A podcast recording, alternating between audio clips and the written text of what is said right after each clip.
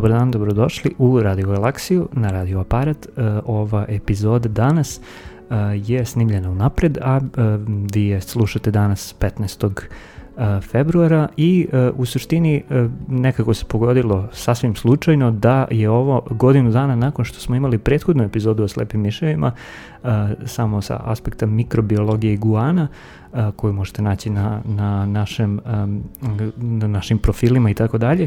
A sada jedna malo drugačija epizoda, drugi gost, gošća, koju ste mogli da vidite i u najavi, doktorka Ivana Budinski, viša naučna saradnica na Institutu za biološka istraživanja Siniša Stanković, čuveni IBIS, dosta ljudi sa Ibisa već bilo u Radio Galaksiji, nekako ja se osjećam kao domaći i sad smo evo već, sad smo ovde, trenutno na Ibisu. uh, i uh, meni baš drago što, uh, što pričamo o ovome, pogotovo u, što sam ja Ivanu uspeo zapravo da ubedim da pričamo u nekom malom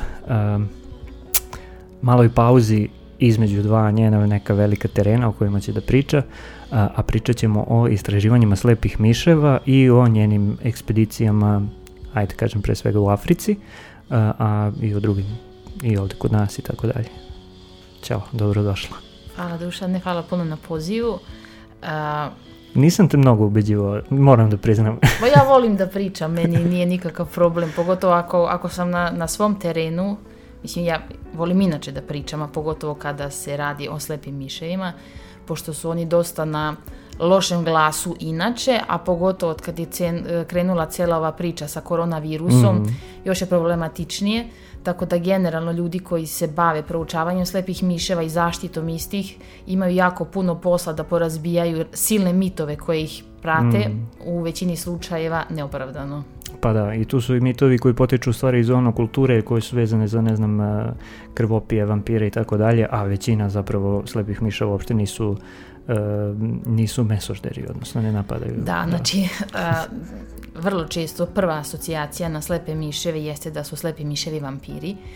A, slepih miševa na svetu ima preko 1400 vrsta, po pro, poslednjem brojanju 1430 i neka, sad ni, nisam ispratila ovaj poslednji meseci šta je novo nađeno, ali znači posle glodara su druga najbrojnija grupa sisara na svetu.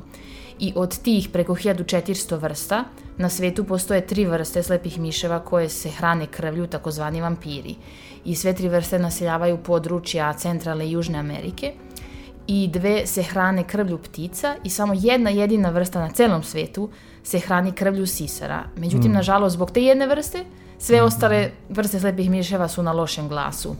A većina slepih miševa, znači najveći procenat vrsta, su insektivorne vrste, znači hrane se insektima imaju jako značajnu ulogu u ekosistemima kao prirodni regulatori brojnosti mnogih štetočina u poljoprivredi, mm, mm. mnogih insekata koji prenose razne bolesti i tako dalje, ali dotaći ćemo se i te teme.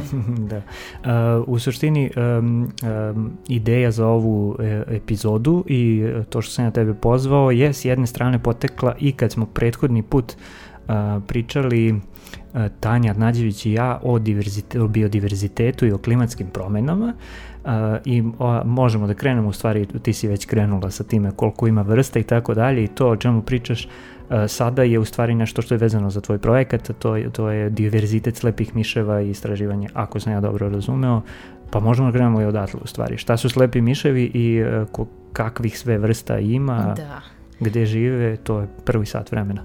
o, može. O, ne znam da li ćemo se sad biti u sat vremena, ali mogu da se ubrzam ako bude trebalo. A, šalim se. Znači, slepi miševi su jedna grupa sisara i to su jedini sisari koji imaju sposobnost aktivnog letenja. Šta znači aktivno letenje? Znači, nije kao one leteće um, kako zove, leteće veverice, što imaju kao raz, mm -hmm. razapetu kožu između ekstremiteta, pa prilikom preskakanja sa jednog drveta na drugo, to je više paragliding. Malo duže skoče. Da, da, da ili što, što kaže ova, jedna profesorka, kaže oni se prizemljuju sa stilom, zato što kao padobran da imaju. Baš dobar opis. Da, a znači slepi miševi imaju mogućnost aktivnog letenja. Kod njih su a, kosti prstiju jako izdužene. Između tih kosti u tela a, nogu i repa je razapeta ta letna membrana. Mm -hmm. Znači jedini leteći sisari. A, već sam spomenula da su jako, jako vrstama brojna a, grupa. Znači druga naj najraznovrsnija grupa sisara na svetu posle glodara. I uh, često me pitaju kao gde žive slepi miševi, kaže kao u pećinama, znači to ljudi vezuju odmah kao za sklonište, ali generalno slepi miševi su prisutni svuda, znači nema mm -hmm. ih mhm. samo na uh, polovima i nema ih na jako velikim nadmorskim visinama, a šta je limit uh, ovaj, njihove njihovog rasprostranjenja, to je u stvari hrana. Mm -hmm. Zato što, kao što sam već spomenula, najveći broj vrsta slepih miševa se hrani insektima, onda imamo uh, grupe slepih miševa koje se hrane voćem, pa nektarom, polenom, imamo uh, neke vrste koje su karnivorne, znači mogu da hvataju vodozemce, gmizavce, mogu da hvataju ribe ili neke druge sisare. A, da, i neke, znači, koje se ne hrane insektima, nego drugim beskičmenjacima, recimo mogu da hvataju škorpije, mm. paukove i tako dalje. Znači, i da, imamo naravno vampire. I u suštini, uh, ima jako puno vrsta koji su rasprostranjeni svuda, znači rasprostranjeni su u uh, našim područjima, ima ih u tropskim ekosistemima, da li su tropske kišne šume, slepih miševa ima u pustinjama, na obalama mora, Znači, bukvalno ih ima svuda. Da, kad sam, baš, baš kad sam gledao sad ovaj, uh, od, kad se otvori članak na Wikipediji, običano, ono, kao bats, slepi miševi da. i sad izađe mapa ono kao gde se nalaze na svetu, bukvalno je sve obojeno osim polova. polova. Da. Pa jeste. Znači samo zašto nema hrane tamo, mm. zašto njima to ne bi, ne, ne bi bio limit, znači bukvalno ima hrana limit. Uh, u našim područjima uh, slepi miševi uh, dosta mislim, zavisi od hrane, a hrana oscilira vezano za godišnja doba. Mm -hmm. I onda slepi miševi kod nas imaju složeni godišnji ciklus, znači tokom zime hiberniraju, znači ne zato što je hladno, nego zato što nemaju hrane da nadomeste potrošenu energiju. Uh, onda s proleća se bude, tu se razdvajaju mužjaci i ženke, ženke formiraju takozvane porodiljske kolonije, uh, odlaze u skloništa gde će da se vrši koćenje i podizanje mladih, a za to vreme su mužjaci ili solitarni ili se grupišu u neke ovaj, kolonije mužjaka. Na jesen imamo parenje i onda opet na zimu hiberniraju. E sad često ide pitanje kako to da se oni pare u jesen, a da je koćenje u junu recimo. Mm -hmm. A, znači, kod slepih miševa, oni, mislim, zbog zime i tog perioda kada nema hrane, oni su morali da nađu način kako da srede da ne naprave dil sa prirodom, da ko, do, do koćenja dođe tada kada ima hrane. I onda postoje dve strategije. Znači, kod nekih vrsta će doći do oplodnje odmah na jesen, ali tokom zime se potpuno zaustavi razvoj embriona zato što su životinje tada u potpunom stanju mirovanja, znači temperatura se spusti na nekoliko stepeni iznad nule, uh, udahnu recimo jednom, dva puta u sat vremena, otkuce srca, mnogostruko smanje, znači bukvalno samo, samo naj, naj, najminimalniji proces održavaju, pa isto tako se znači raz, e, zaustavi razvoj embriona, što se nastavi na proleće, znači nakon buđenja iz hibernacije i onda na taj način hmm. se obezbedi da do koćenja dođe uh, početkom leta. A druga strategija jeste da ženka čuva spermu kao u frižideru, ono, cele zime i onda do oplodnje dođe nakon, nakon parenja. Tako da razne vrste imaju različite strategije. Dok recimo u tropima je to potpuno drugčije, zato što uh, je toplo cele godine, ima hrane cele godine. Do duše, uh, u tropima, pa bar onaj deo koji sam ja do sada isprobala, što bi se reklo, postoji vlažna sezona i suva sezona. I opet od toga zavisi dostupnost mm. hrane, dostupnost insekata, pa i za to bude vezana i aktivnost i, i njihov reproduktivni ciklus. Znači, u zavisnosti od toga u kom habitatu žive slepi miševi, oni imaju drugačiji ciklus uh, života tokom godine, verovatno i drugačije regulisanje metabolizma u skladu sa tim i tako dalje. To je, mi deluje sad ovako kao jedna od Pa jeste, mislim, vi, više, više ono u kom biomu žive i znači, mhm. -huh. zato što habitat, odnosno stanište, uh -huh. ima mhm. recimo u Srbiji različitih tipova staništa, imamo visokoplaninska staništa, mhm, -huh, imamo uh, šumska staništa, ali su im jako slični uh, sličan im je godišnji ciklus zato što je slična klima i mm -hmm, postoje mm -hmm. varijacije. A sad, znači, to se baš, baš, to što si spomenuo, imaju potpuno drugčiji i godišnji ciklus i ishranu i drugčiju reprodukciju, uh, uglavnom zavisno od klime, a mislim od klime zavisi hrana mm -hmm, i zbog mm -hmm. toga su se oni prilagodili drugčije. Pa uh, i ono što smo isto pominjali u nekom trenutku, da li kod Tanje ili sa Ivicom ili možda čak i negde ono skroz nekoj trećoj epizodi, a to je da um, zapravo širenje i urbanizacija, gradovi i tako dalje, sve više utiču na to da se menja životna sredina u kojoj slepi miševi žive. E, pa onda imamo, e, srećemo ih negde gde se nije, ne očekuje da ih srećemo, tipa po gradovima i tako dalje. Uh, jeste. E sad, opet, mislim, to ću da pričam na primjerima kod nas, pošto mm -hmm, sa time sam mm -hmm. najviše upoznata. I, to, I odmah tu možemo i da pomenemo u stvari da ti zajedno sa još nekoliko ljudi vrlo aktivno radiš na čuvanju slepih miševa kod nas. I pa, mislim, aktivno. U suštini mi nemamo neki uh, zvaničan uh, neku ustanovu, neki mhm, centar mm -hmm. za mhm. prihvat i rehabilitaciju divljih životinja, pa ovaj, ne, nekoliko nas, znači ovdje sa Instituta za biološka istraživanja i iz Prirodnjačkog muzeja, radimo volonterski to zbrinjavanje slepih miševa, bilo da je u pitanju povređena životinja ili mladunci koji ispadnu iz skloništa pa im je potrebno da se staramo o njima, da bismo ih vratili nazad u prirodu. Uh, sad, sad više se ne sjećam šta, šta je bilo. A da, da, da, da. slepi miševi u gradovima. Da. Ja tako kad krenem da pričam na jednu stranu da zaboravim odakle sam, odakle sam krenula. A, da, što se tiče urbanizacije i generalno promene staništa, a, reakcija slepih miševa na to je jako različita od vrste do vrste, zato što mm. neke vrste su baš specijalisti za skloništa. Znači imamo ugrubo kod nas kad bih podijelila a, vrste slepih miševa, imamo litofilne, znači to su one koje vole kamen, vole stenu, znači uglavnom koriste skloništa u pećinama, mm -hmm. pukotinama u stenama, rudnicima, znači uglavnom su to podzemna staništa. Imamo dendrofilne vrste, to su vrste koje koriste skloništa u drveću, sad da li je to šuplje stablo, da li je ono odvaljena kora mhm, drveta koje, koje umire, napuštena duplja od detlića. I, tak, I imamo treću grupu koji su antropofilne vrste, znači mm -hmm. vrste koje su se prilagodile na život u urbanim sredinama. I sad vrlo često te vrste koje su litofilne, originalno, još pogotovo ako su specijalisti da im treba određen tip šume gdje se nalazi plen koji oni love, ako dođe do krčenja šume na uštrb mm -hmm. širenja grada, te vrste će jednostavno nestati iz tog područja pošto nemaju kapacitet prilagođavanja. Znači, e, dendrofilne, da. E, dendrofilne... Le, litofilne su one iz pećina, uh -huh. a mhm. dendrofilne su one iz mhm, -huh, drveća. Mhm, Mislim, uh -huh. to opet zavisi od vrste do vrste koliko je vrsta osetljiva na stres. Znači, ne, neki i te dendrofilne mogu da se prilagode, tako što će da koriste uh, šuplja stabla po gradovima, mm -hmm, mm -hmm. po parkovima, recimo na Keju, na Zemunskom Keju, oni platani što ima, pa ne znam, na Kalemegdanu, u Hyde Parku, u Karadžorđevom parku, znači bukvalno u jesen kada je, ono, pogotovo kraj leta, početak jeseni kada je period parenja za, za znači, pripadnici jedne vrste toko cvrče iz tih stabala. Znači mm -hmm. oni su se jednostavno prilagodili tu, tu da žive. Isto tako uh, ima jedna vrsta, to je ono on je toliko profitirao od urbanizacije, znači vrsta se zove belorubi slepi mišić, pipistrelus culi na latinskom, i kod nas je najrasprostranjenija vrsta u urbanim sredinama.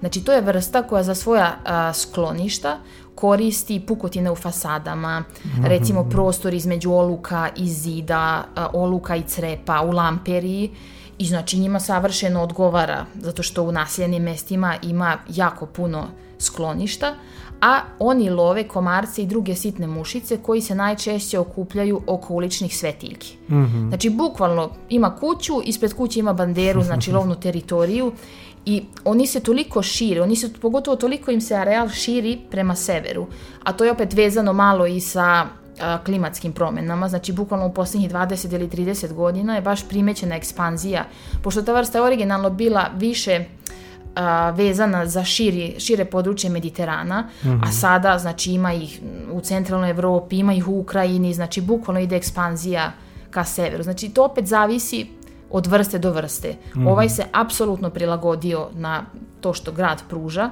dok mnoge vrste će jednostavno da iščeznu zato što im ne odgovara stanište, jako su osjetljivi na buku, nema adekvatne hrane i tako dalje. Mhm. Jel se to primećuje uh, kod nas ovde? Kako, kako se ljudi bave time kod nas, odnosno vi i ne znam koliko se dugo prate slepi miševi u Srbiji, kakvih tu ima uh, podataka? Pa u suštini, mislim, slepi miševi se prate dosta dugo vremena, sad ako bi gledali početni datum, znači to je više od 100 godina, međutim problem je što to nije kontinuiran proces, nego na primjer bilo, bio je period između 50-ih, 70-ih, pa je bio period 90-ih i početak 2000-ih i onda sada mi, od, recimo 2000, od posljednjih 10-15 godina, a, ali znači nije to baš toliko kontinuirano i još uvijek postoji dosta rupa Mhm, ovaj, u distribuciji nekih vrsta za koje ono kao mislimo obična i svuda rasprostranjena, a u stvari nije ili mislimo da je nešto redko, a u stvari nije toliko redko nego jednostavno ih nismo tražili mhm, u adekvatnim staništa. Mislim, nažalost, dosta nas je malo koji se bavimo slepim miševima u Srbiji, pa je dosta teško pokriti ovaj cijelo područje. Mislim, uglavnom je rađeno tematski. Ja sam recimo za svoj doktorat analizirala populacije e, jedne vrste potkovičara. U pitanju je sredozemni potkovičar, to je pećinska vrsta. I ja sam ciljano išla u pećine, znači hvatala sam ih tamo, pratila sam kolonije, populacije, a znači to je ta jedna ciljana vrsta i usput dok sam njih ganjala još a, vrste koje koriste ista skloništa, tu sam skupila neke podatke, ali recimo u Srbiji se jako malo zna o šumskim vrstama. Zato što u suštini bi sad trebalo da mi idemo po šumama, hoćeš da, da krenem odmah sa metodologijom koja se koristi? Može, može, da, da, da. Da, mislim, ka- kako se u stvari istražuju slepi miševi. Znači, a, po- to je sad dosta, dosta jedna široka priča, ali ono kao neke osnovne metodologije, šta mi u stvari radimo? A, radimo praćenje a, kolonija, pošto slepi miševi se u određenim fazama života grupišu u kolonije, najčešće su to letnje kolonije i zimske kolonije, mada zavisi od vrste do vrste, neki ne vole uopšte kolonije, nego bukvalno žive pojedinačno, Samostalno, da, da, da. ovaj, a neki prave ogromne kolonije po nekoliko desetina hiljada jedinki. I evo baš sad ćemo, ovaj, za nekoliko dana idemo da radimo na zimski monitoring. I šta mi u stvari radimo? E, idemo u skloništa, u ovom slučaju su to pećine, svake godine manje više u istom periodu, znači da bismo imali tu neku vremens da Vremensku nezavisnost. tako baš je, da, znači da, da bude sličan period godine. A, idemo u pećine i gledamo koje vrste su prisutne i u kom broju. Zato što a, slepi miševi su dosta privrženi svojim a, skloništima i iz godine u godinu koriste ista zimska skloništa, pa onda ista letnja. Uglavnom, vrste ne koriste ista skloništa tokom cijele godine zato što nisu adekvatni mikroklimatski uslovi.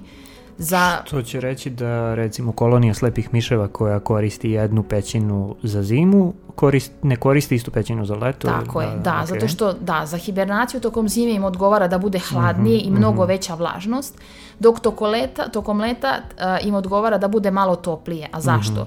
A, zato što a, zbog te grupne termoregulacije i uštede energije, pogotovo ženke kada imaju mladunce, a, njima odgovara da bude malo toplije zato što manje, manje, mislim, manje se troši i na, na letenje i na zagrevanje a, i ne, ne bi im bilo od- odgovarajuće u tim hladnim pećinama gdje su tokom zime, pa se često premještaju. Isto, znači bukvalno imamo neke pećine gdje su vrste A, B, C prisutne tokom zime, neke mm, sljedeće vrste u prelaznom periodu, a tokom leta skroz druge. Znači, bukvalno se smjenjuju i koriste. Ili isto se dešava da se koriste različiti delovi jedne pećine za različite namene. Recimo, mnogi nas, od nas su išli u Petnicu i tamo ima Petnička pećina, gdje ima donja pećina sa ždajnim jezerom i taj, taj deo pećine je hladni, jako velika vlažnost vazduha i tu su slepi miševi tokom zime. Dok recimo tokom leta tu ili ima neki jedan ili ni jedan ili nekoliko slepih miševa pojedinačno koji vise, dok je parodijska kolonija gore u mislim Medveđa dvorana zove gore, tamo gdje je sonda arheološka, u Medveđoj dvorani, znači gdje je temperatura mnogo veća, mnogo je sulji vazduh, jednostavno različiti delovi istog skloništa pružaju različite mikroklimatske uslove koji im odgovaraju za različite stvari. E, znači, e, slepi miševi i kolonije slepih miševa su na neki način naravno u simbiozi sa staništem. E, o, to. Znači, biraju u skladu sa svojim metali... Pril- da, nije to baš simbioza, ali pri- prilagođavaju se. U- u- Znači, nisam uopšte iz oblasti, Iz oblasti, i da, zaboravio da, da, sam da. mnogo biologije iz e, škole. Da. Tako da, evo, pro, šta sam ono rekao malo pre, pa, pa si mi ispravila, rekao sam ekosistem. Ne, Da, habitat. E, habitat, da. Mislim, da, Znači, da. sklonište, e, čuj, sklonište, stanište. stanište i tako dalje, da. Znači oni na neki način žive u nekoj vrsti ravnoteže e, sa prirodom, ako to Svakako, tako priroda da je uvijek tako namešana Da, da, sve da, da, bude da. sređeno, samo mi ovdje dođemo i rušimo ovaj, ravnotežu. Da, da, da, da, da, da. Da, i recimo to što, što rad, za- zašto mi radimo taj monitoring, zašto pratimo populacije, znači da vidimo da li iz godine u godinu iste vrste budu prisutne u manje ili više sličnom broju ili ako primetimo trend neki tokom godina da dolazi do opadanja, znači opadanja brojnosti, znači da nešto ne valja. E sad šta nije u redu, znači da li postoji neki faktor ugrožavanja ili su bili neki radovi pa se promijenila mikroklima u pećini, ima jako puno stvari ovaj, koje mi sad treba da, da pratimo da bismo znali o čemu se radi. A, osim monitoringa, mi hvatamo slepe miševe. Sad, za, za- zašto mi želimo da hvatamo slepe miševe? A, neke vrste, recimo, ne mogu a, da se identifikuju do nivoa vrste samo tako što mi njih vidimo. Znači, treba da se uzmu određene mere. Ovaj, to je jedna stvar. Druga stvar je da bismo a, videli, recimo, kako je, ko je, kakva je polna ili starosna struktura neke kolonije, da li je znači porodijska kolonija, da li su ženke mužjaci, da li su ženke reproduktivno aktivne, znači da li su se kotile ili ne, zato što nisu uvek sve ženke koje su u letnjoj koloniji tog leta Znači nisu se okotile možda ili su još mlade ili nije uspelo te godine, ali svakako dođu tu zbog te grupne termoregulacije, što bi se rekao, pomažu ro- rođacima u održavanju temperature Tetke i tako dalje. tetke, sestre, strine i ostalo. Ovaj, I št- šta onda još radimo? Znači, šta sam ja konkretno radila i šta se radi. Znači, ranije su slepi miševi koji su hvatani, oni su bili ubijani, onda su se koristili, ne znam, organi za razna ispitivanja, uh, a to, to je sad i zapravljene su muzejske zbirke, Uh, a to je sada dosta prevaziđeno, zato što ja slepog miša kada uhvatim, ja bukvalno uzmem jednu malu krpicu kože sa, sa krila, znači to kao za biopsiju, ne jedna krpica okrugla koja je prečnika 3 mm i ta rupica na krilu njima zaraste za 2 do 3 nedelje. Znači ja to nisam verovala, dok mi se nije desilo da sam u, u roku od mjesec dana tri puta uhvatila iste životinje i bukvalno, bukvalno pratiš kako, kako se ta rupica smanjuje i na kraju potpuno bude zatvorena rupa, samo bude malo svetlije te podru, to područje gdje je, gdje je bušeno. I iz te jedne krpice mi izolujemo DNK i onda tu možeš da analiziraš šta god hoćeš. Znači možeš da pro- da proveriš identitet vr, kao koja vrsta u pitanju, pošto ima dosta tog kriptičnog, odnosno skrivenog diverziteta, što znači da neke vrste budu morfološki iste ili slične, a da se genetički razlikuju. A, možemo da radimo a, neke populacione analize, da vidimo da li je neka populacija genetički dovoljno raznovrsna, to pogotovo kod ugroženih vrsta, da vidimo da li ima genetički potencijal da se suoči sa, ne daj Bože, bolestima, klimatskim promjenima, katastrofama nekim, šta, šta, šta god se već desi. Isto tako možemo da gledamo srodnost unutar ovaj kolonija, da li se grupišu rođaci ili se grupišu random, pošto to je ono kao Postavlja se pitanje zašto se oni grupišu, jel da li, da li je srodstvo jedan od razloga ili nešto drugo. Uh, šta još može? Da, znači to, to ono što uzmemo od tkiva. A mi od slepih miševa recimo možemo da uzmemo izmet. Znači skupljamo izmet i iz jednog govanceta ovaj može da se analizira komplet ishrana, može da se analizira prisustvo virusa, što isto može recimo kada se uzmu uzorci urina ili a, brisevi. Znači taj izmet, to je ovaj čuveni guano koji To je koji guano, pomenula, jeste, da? to je stručan naziv za izmet slepih miševa. A, može da se a, analizira crevna flora, pa to sad ima aktualan jedan, projekat kako slepi miševi, kako im se adaptira crevna flora u skladu sa klimatskim promjenama. Znači to, klimatske promjene su trenutno veoma aktuelne u mnogim istraživanjima i efekti istih na, na biodiverzitet. A, slepi miši imaju svoje parazite, što ekto, što endo, ali uglavnom ovaj, mi se bavimo ektoparazitima, znači onda bukvalno se pincetom skupljaju, hvataju tamo neki Kad kažeš ekto i endo, znači ekto su e, na površini, površini, tela, da. a endo su u crevima, na primjer, znači u unutrašnjosti tela. I ektoparaziti su, uglavnom su to grinje, krpelji, beskrilne muve.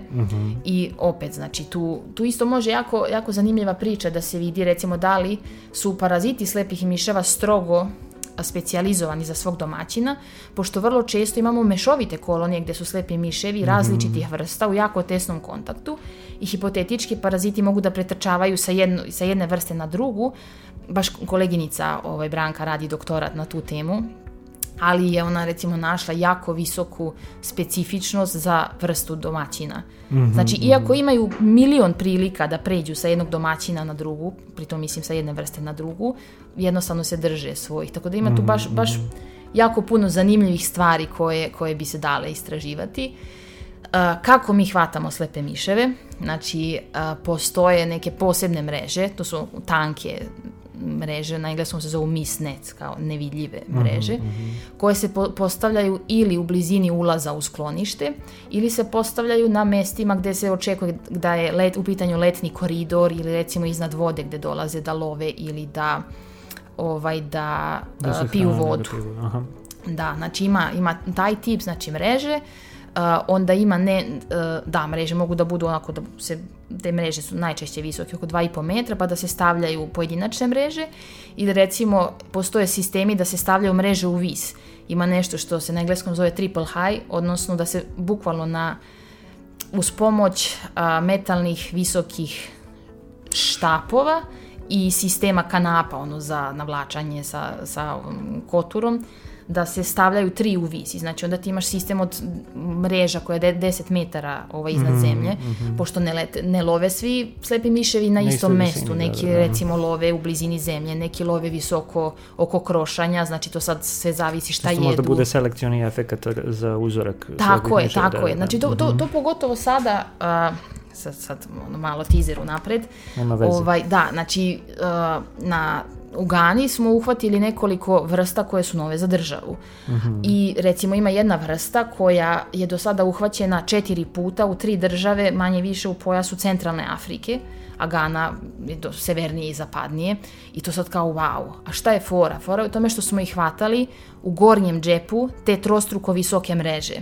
Znači, nije poenta da ta vrsta nije tu rasprostranjena, nego jednostavno nije korišćena adekvatna metoda da bi se ta vrsta uhvatila. Pa sad kad kažeš mreža, to je zapravo uh, jedan od prvih uh, u svim udžbenicima svuda uh, ilustracija selekcionih efekata, ono kad hvataš ribe zapravo, Da. pa kao imaš neku mrežu kojom hvataš ribe, uh, koje ćeš ribe uhvatiti? Uhvatit ćeš one koji mogu da upadnu u mrežu. Sve one koje su sitnije od, Od rezolucije jeste. jeste, one nećeš uhvatiti i onda ne možeš da kažeš da ne postoje.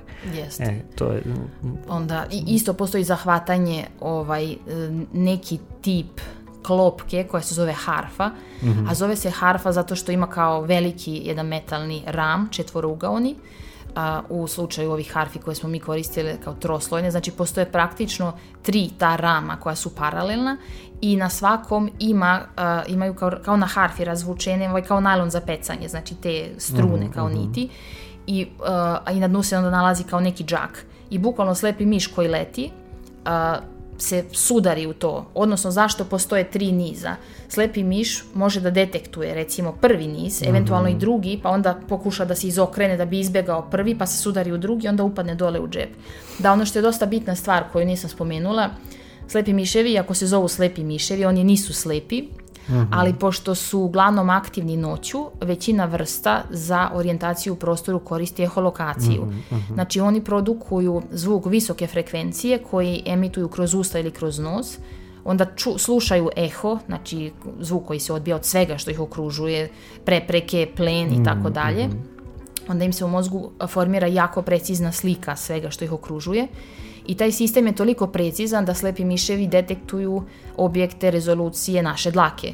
Znači, i to što kažu kao slepi miš se upliće u kosu. Ne upliće se, pošto slepi miš jednu dlaku detektuje, a kamoli da se za- zakuca u glavu. Da, izvini, sad to mi je potpuno fascinantno. Mislim, mislim znao sam da naravno funkcionišu po principu eholokacije i tako dalje, ali e, to da, mo, da imaju toliko veliku rezoluciju, to mi potpuno fascinantno. Mislim, kako, kako mi znamo da, da oni imaju takvu rezoluciju i kako se to, kako se to ustanovilo? Ja nemam pojma pravo da ti kažem, ali verovatno su ljudi eksperimentisali sa postavljanjem prepreka raznih dimenzija, postavljanjem uh, plenova raznih dimenzija. Znam da su postavili različite objekte sa različitom teksturom, da li je glatko, da li je hrapavo, pa ono drugčije, kako se zvuk drugčije odbija. Ali moram da priznam da se u to nisam baš previše udubljivala, tako da, da ne lupam sada. E, dobro, provjerit ćemo svakako. Da. Meni je to potpuno sad fascinantna informacija. Uh, ok, da se vratimo. Znači, oni nisu slepi, imaju, uh, funkcionišu po principu radara praktično. Da, lidara, sonar više, sonara, da. da. Ali to mislim, oni vide, oni nisu slepi, Mhm, ali pošto su mhm. aktivni noću, sad ja vidim... Vidim ništa pa, ne znači u suštini, Je, da, tako da, da. je, onda zbog toga su razvili šesto čulo, odnosno tu eholokaciju. Mhm, I sad onda često nas pitaju i za te mreže i za harfu, kao pa kažeš da je slepi miš, da možda detektuje te objekte, pa kao kako, kako ne uspe. Znači mi uh, u suštini gađamo da, da ih uhvatimo recimo kada lete onako više na pamet, znači na nekom koridoru koji koriste svakodnevno ili recimo ako ganjaju nekog insekta pa su previše fokusirani na na blizinu i onda kad skonta da je prepreka is, ispred njega, to je već previše kasno, kasno. da. Da, ili ih, kad ih hvatamo u blizini uh, ulaza u sklonište, oni svako veče izlaze iz tog skloništa da bi lovili i vraćaju se u isto. Tako da, mislim, nekad se šalimo, ali kažemo da mi u stvari hvatamo glupe slepe miše ili one koji su manje spretni da izbegnu prepreku. Ali recimo, ako ti postaviš mrežu u blizini pećinskog ulaza jednu noć, uhvatiš 80 komada. Drugu noć uhvatiš 30, treću noć uhvatiš 6. Zato što skapiraju da je tu prepreka i onda jednostavno nije, neće da izleću, bukvalno će da iskuliraju tu noć, neće da, da izađu u lov. Da, sad kad sam se već spomenula, um, kad se do, dotakla eholokacije, a, slepi miševi mogu da se proučavaju i primjenom bioakustike. Zato što različite vrste slepih miševa a, eholociraju na različite načine. Znači, ispuštaju zvuke različite strukture, različite frekvencije i vrste se međusobno razlikuju. Sad, naravno da postoji, ima jako puno vrsta slepih miševa i naravno da postoji preklapanje. Isto tako, to su živa bića i dosta su plastična. Znači, ako ja kažem da ova vrsta uglavnom eholocira na 55 kHz, to nije striktno 55, nego ide od 50 do 60, ali kao ako bi napravio ovu e, kako se zove Gaussovu krivu, na, najveći procenat bi bio na oko 55.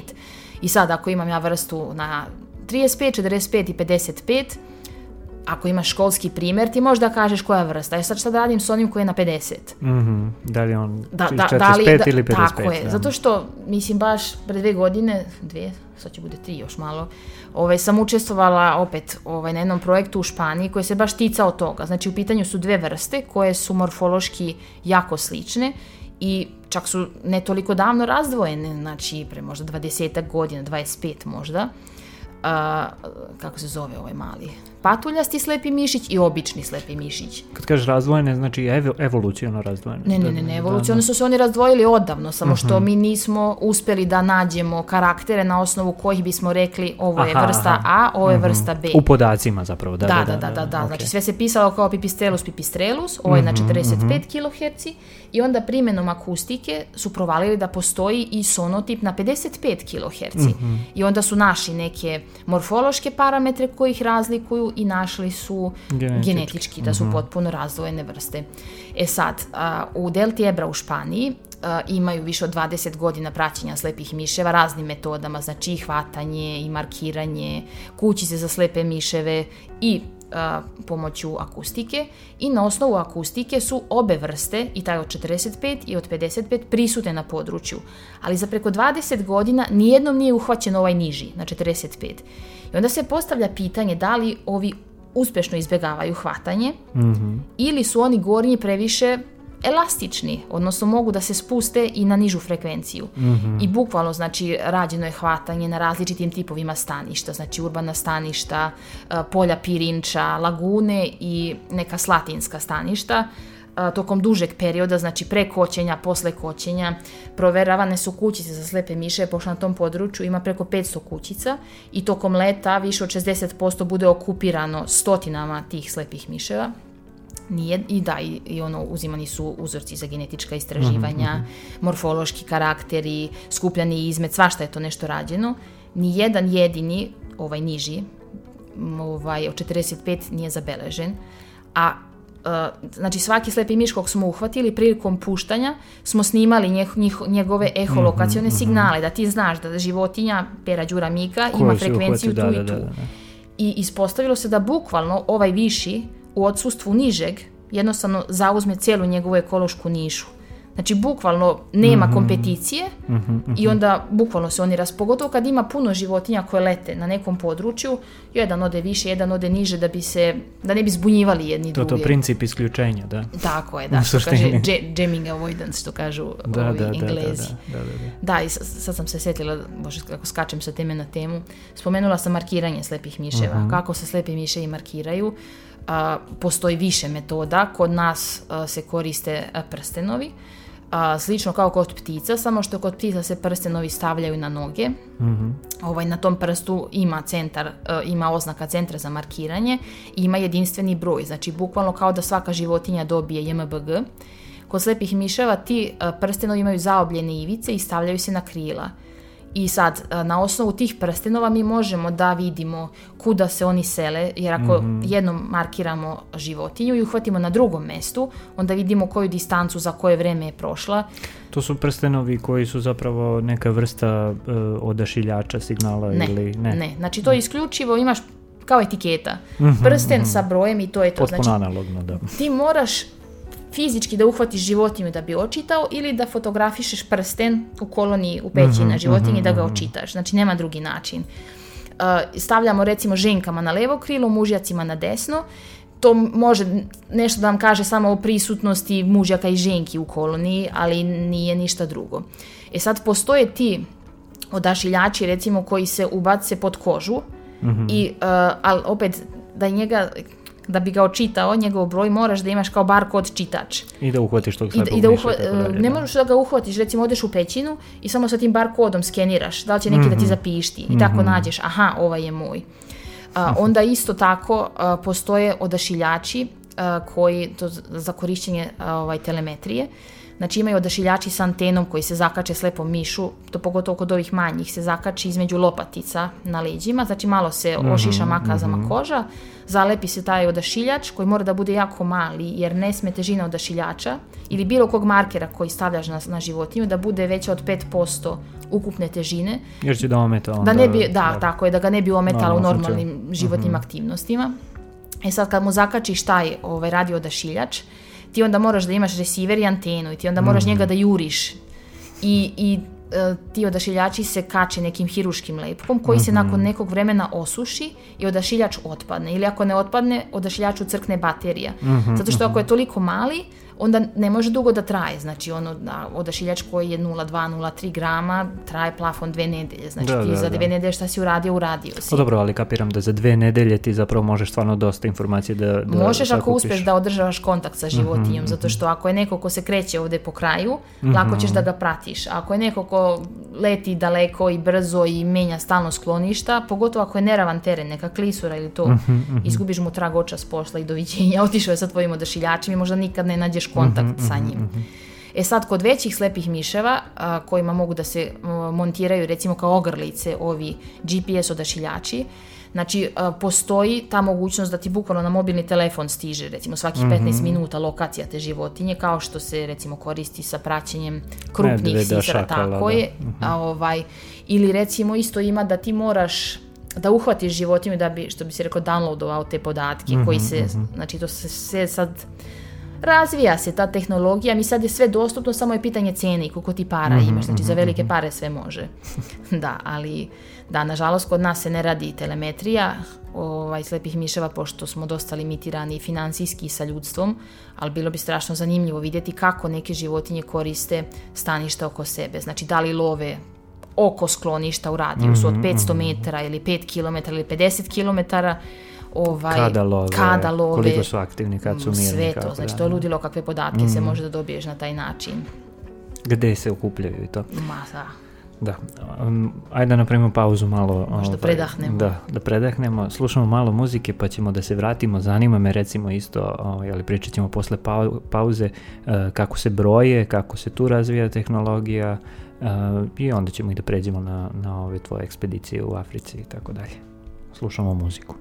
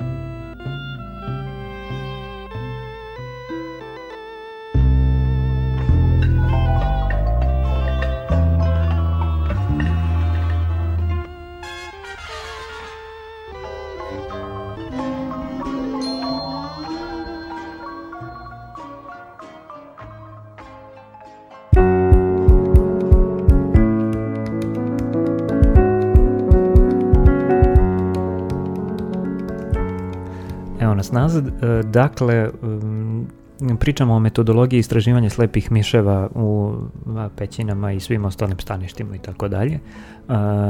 I ono što smo pomenuli na samom početku, to je da se posmatraju kolonije, da se gleda koliko ima slepih miševa i tako dalje. I ono što mene zanima, e, jedna od stvari je kako mi zapravo brojimo slepe miševe. Ti kad uđeš u pećinu i da. vidiš na plafonu ogroman broj, mislim oni su ono jedni preko drugih, e, kako može da se, mislim to su neke procene vjerovatno. Ali... Jesu, da, znači kada ih ima manje ili ako je kolonija rastresita i povedemo nekoga sa dobrim fotoaparatom, mm -hmm. znači ta kolonija se uslika i onda tačkamo, bukvalno kako tačkaš tako brojiš koliko njih ima. A za ovi koji su jako gusto pakovani, znači za neke vrste, to sad pričam za naše vrste, ovaj, kad kažem naše generalno se odnosi na vrste koje su u Evropi, a tako i u Srbiji. Znači da otprilike zna koliko njih se pakuje na jedan metar kvadratni, mm -hmm. da li je mhm. to hiljadu, hiljadu i po dve hiljade slepih miševa na metar kvadratni, zato što oni bukvalno su toliko gusto zbijeni, nekad i u dva reda, bukvalno vise jedni sa drugih.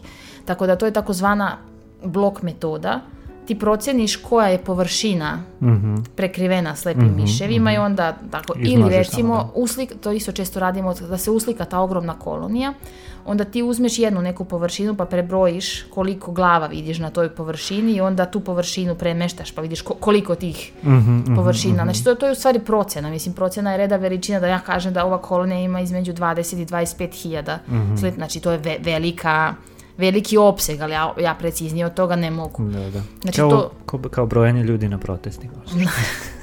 Ili pa ptica, ono to je, ja sam se uvijek sprdala sa ptičarima, kao kaže, ja to koliko ima, kaže, hm, 100, 200, 300, 400 i tako on proceni koliko pa da, ima, da, da, a mislim i mi to radimo, to je, mislim, standardna dobro, metoda. kapiram da se razvijaju te, i tehnologije, tako da ti danas imaš zapravo automatske... E, ali to je drugo, zato što, da. drugo je kad je životinja aktivna. Uh mhm. -huh. Sad šta, šta se radi, recimo, a, ti njih brojiš prilikom izletanja u sumrak, zato što tada oni masovno izleću u lov mm -hmm. i mhm, bukvalno ti možeš da, eto sad, opet zavisi koliko je kolonija velika, da li sklonište ima jedan ulaz ili više ulaza, mm -hmm. da li mhm. ima ogroman ulaz ili mali ulaz, kada je mali ulaz onda je dosta to kanalisanije pa lakše možeš da ih ispratiš. A, imaš recimo da se snimi izletanje slepih miševa pomoću infracrvene kamere mm -hmm. i onda na usporednom snimku ti brojiš E da sad tu je malo zez, pošto pogotovo prvi slepi mišev koji izleću, imaš dosta toga izletanje, uletanje, izletanje, uletanje. Mm -hmm. Znači, bukvalno to skeniranje pre nego što krene masovno izletanje, pa tu ono bukvalno to opet jedan projekat na kom sam učestvovala, smo to radili i bukvalno klikćeš in, out, in, out i onda mm -hmm, mm -hmm. da vidiš koliko njih u stvari ušlo, koliko je izašlo. A, postoje ti a, postoje to neko brojanje isto pomoću termalnih kamera, znači mm -hmm. ono kada si upao, onda se to automatizuje tako što se napravi kompjuterski program koji ti to ono, broji piksele, mm -hmm, koliko mm -hmm. dugo putuje kroz, da kažem, vidno polje. Pa da, to tačno... su neki ono, image recognition da, da algoritmi da, da, tako to dalje. Ja sam totalno glupa mm -hmm. za to, ja samo znam da postoji. Mm -hmm. ovaj, šta ima još? Ima to da se postave kao laserski zraci, uh, ne kažem, uh, kako se zove, kao mreža laserskih zraka, pa onda preseče prvi pa drugi, onda na, na taj način ti znaš da li on ušao ili izašao, koji, koji je mhm, prvi mm -hmm. presekao i dotakao. Da, da, da, pa to kao... isto ono, automatski neki brojači. A ovo isto nešto što pokušava da se uradi jeste pomoću akustike. Znači to je opet neki projekat u kojem sam učestvovala dok sam bila u Španiji, jeste da smo postavljali neke te detektore za snimanje slepih, ultrazvuka slepih miševa na različitim uh, pozicijama u blizini pećinskog ulaza. Znači imali smo pet pozicija, jedna pozicija mm, je na samom pećinskom ulazu, dve pozicije unutar pećine, ono 2 i 10 metara od ulaza i dve na polju, znači opet 2 i 10 metara. I istovremeno smo radili vizualno brojanje, i snimali smo izletanje pomoću infracrvene kamere i radili smo znači, brojanje sa, sa kamere. I onda smo bukvalno testirali, ja sam bila konkretno brojač vizualni, pa koliko sa, kolika je meni bila greška kao vizualnog brojača u poređenju mm -hmm. sa infracrvenom kamerom. Mislim, ja sam iznenadila, bila sam, ja mislim da sam imala manje od 10% mm -hmm, mm -hmm. greške, možda čak i manje od 5, sad se više ne sećam, ali je meni bilo iznenađujuće uh, precizno, mm -hmm, samo mm -hmm. sam sebe iznenadila, ali opet sve su bile pećine sa ne toliko velikim izlazima i bio je po jedan izlaz, tako da je moglo dosta aha, lako aha, da se, znači, ti ako imaš veliki izlaz, ako njih odjednom krene maso, masa da izleće, nema boga tu mm -hmm, da da ispratiš -hmm. sve. Ovaj, I onda smo probali da korelišemo a, broj izbrojanih životinja sa brojem eholokacionih signala, znači kao bat pas, odnosno preleta. I stvarno smo našli, znači da je ta pozicija na ulazu bila, imala najveći stepen korelacije. Mhm, mhm. Tako da to može da se koristi kao metoda pasivnog monitoringa, zato što ti svaki put kad odeš u blizinu skloništa, ti njih bar malo uznemiravaš. Mhm. Tako da, da bi se to izbeglo i da bi se jednostavno, ako si limitiran sa brojem ljudi, sa vremenom, Ili hoćeš da, da to da pratiš da, uh, u da, na, kontinuitetu. na duže staze, da. tako je. Mislim, ti nećeš dobiti tačan broj, da njih ima ovde 850. Ma naravno. Ali ćeš da imaš trend, bukvalno možeš Mhm, da pratiš kad su oni došli, da li im je oscilirao broj tokom sezone, kad su otišli, Mhm, u koliko sati su izletali. Znači, to mislim da ima jako puno potencijala. To smo radili sa jednom vrstom, ovaj zove se dugokrili ljiljak, ja mislim na srpskom sad, Miniopterus šrebezi, jedna veoma česta i e, pećinska vrsta kod nas, koja pravi ogromne kolonije, inače pogotovo na zimi.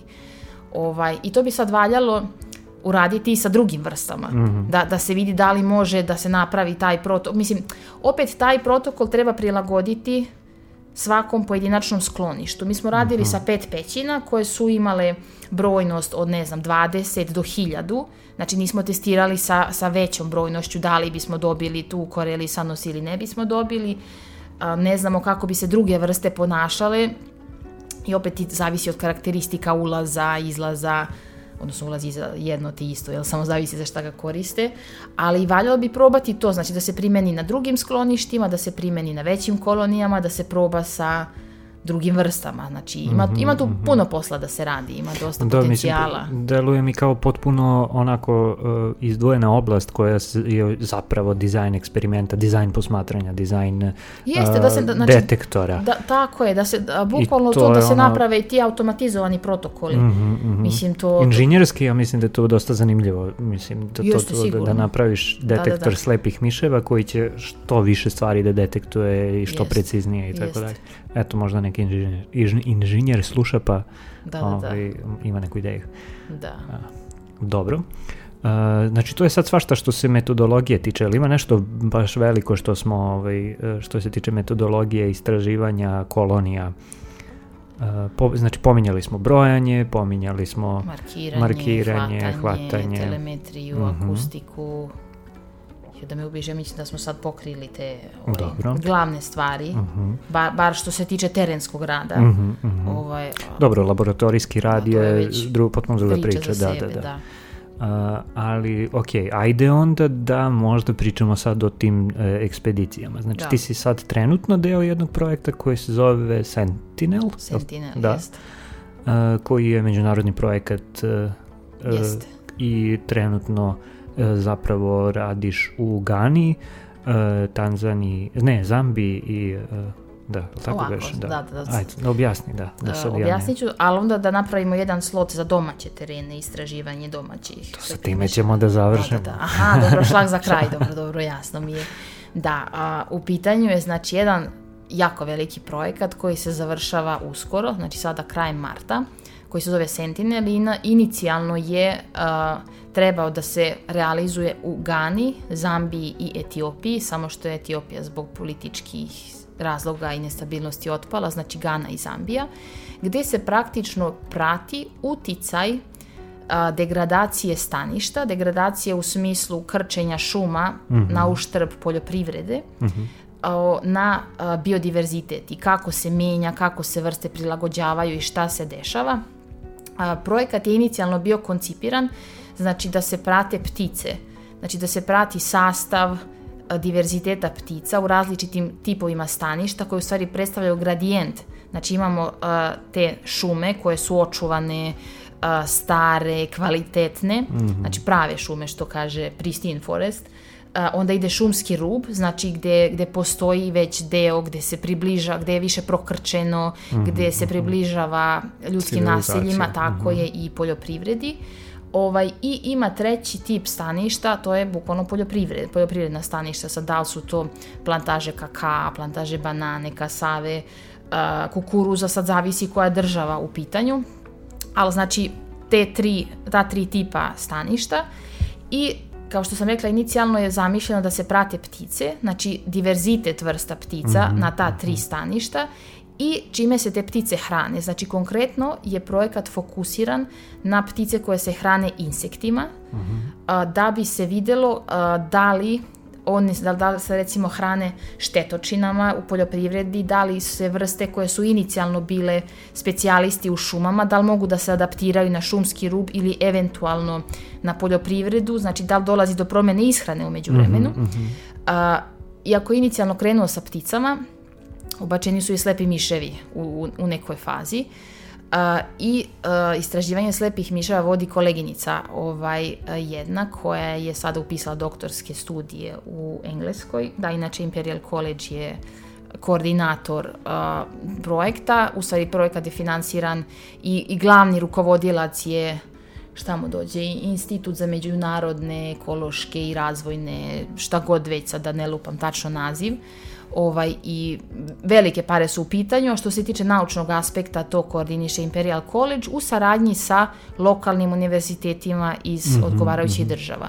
I ta koleginica što je upisala sad ovaj, doktora tamo, inače se bavi slepim miševima, ona, ona je dobila da vodi tim za slepe miševe i pozvala me da budem deo tima, da se priključim ovaj, istraživanjima. Nas dvije smo sarađivale prethodno, radile smo na, na jednom projektu u Španiji kad sam bila.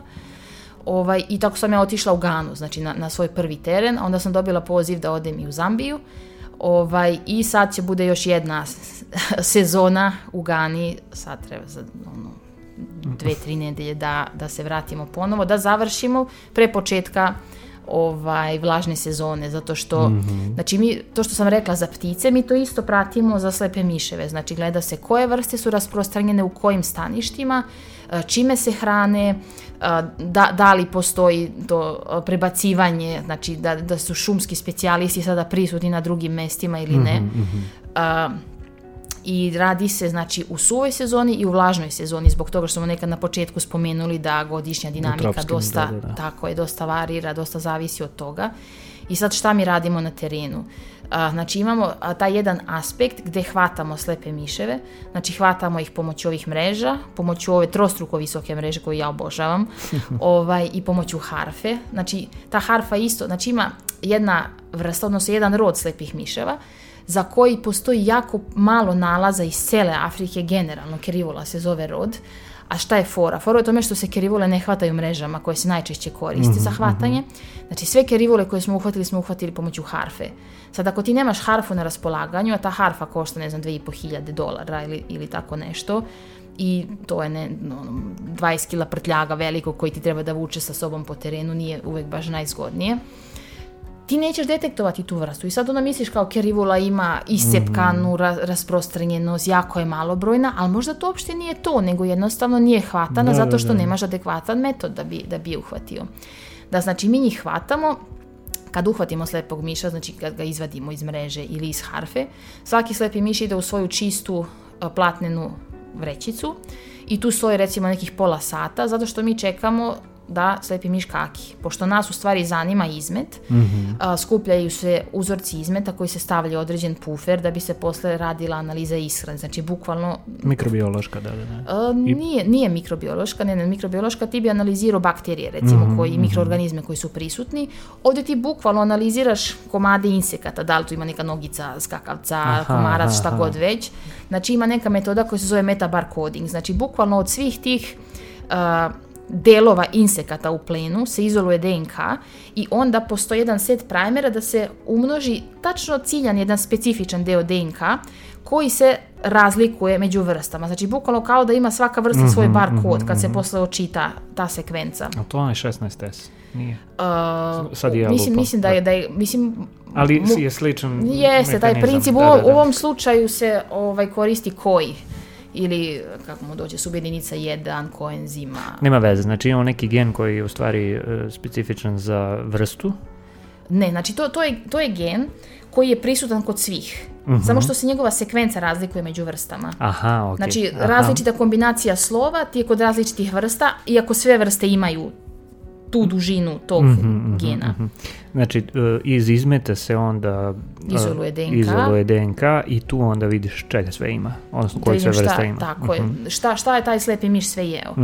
E sad, vrlo, ne, mislim, nekad je teško da mi znamo koja vrsta slepog miša je u pitanju, pogotovo u Africi dosta stvari nije bilo istraživano, pogotovo Gana, znači se nalazi u ekvatorijalnom pojasu, to je centar biodiverziteta, ono je ludo, mm. toliko ima vrsta koje, ono, ili nisu još uhvaćene, ima verovatno toliko puno skrivenog diverziteta koji nije istražen, tako da od svih tih slepih miševa smo uzimali, znači merili smo ih, ti ovaj, osnovni morfometrijski parametri, uzimali smo uzorke tkiva, znači uzeli smo uzorke izmeta, slikali smo krilo svakog slepog miša na toj kao kako se to zove na, na srpskom, kao, kao ploča sa svetlošću od dole što ide, mm -hmm, kao light mhm, box, čisto mm -hmm. da se sa linjirom, pa onda naknadno može recimo da se analizira da li postoji različiti obrazac nervature krila mm -hmm, kod mhm. različitih vrsta ili jednostavno da naknadno mogu da se uzmu dodatni morfološki parametri, znači da, da se izmere dužine, ne znam, koščica, prstiju i, i tako dalje.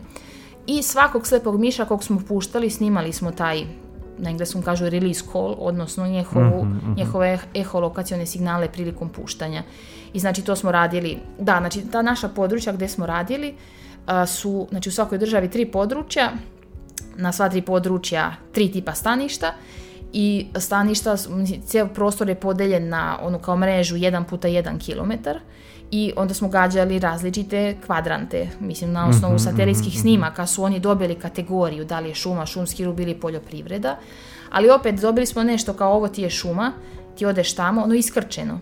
-hmm, bukvalno, na, znači jako, jako velika eksploatacija tamo šuma, na nekim područjima se šuma uništava zbog drveta, a na drugim područjima, sad pričam konkretno za Ganu, je u pitanju rudarenje zlata. Mm -hmm. Što legalno, što u najvećem slučaju ilegalno. I zbog toga se isto se, seku drva da bi se došlo do te zemlje, pa da se ta zemlja ispira, buši, one, kako se zove, sonde, ne znam, ja nemam pojma šta se Evo, radi pa ima onaj sjajan film, to nije Gana, ali moguće je da, mislim, ne znam, ja sad ne znam toliko dobro geografiju Afrike, ali uh, Virunga film, ne znam da li si gledala. Nisam.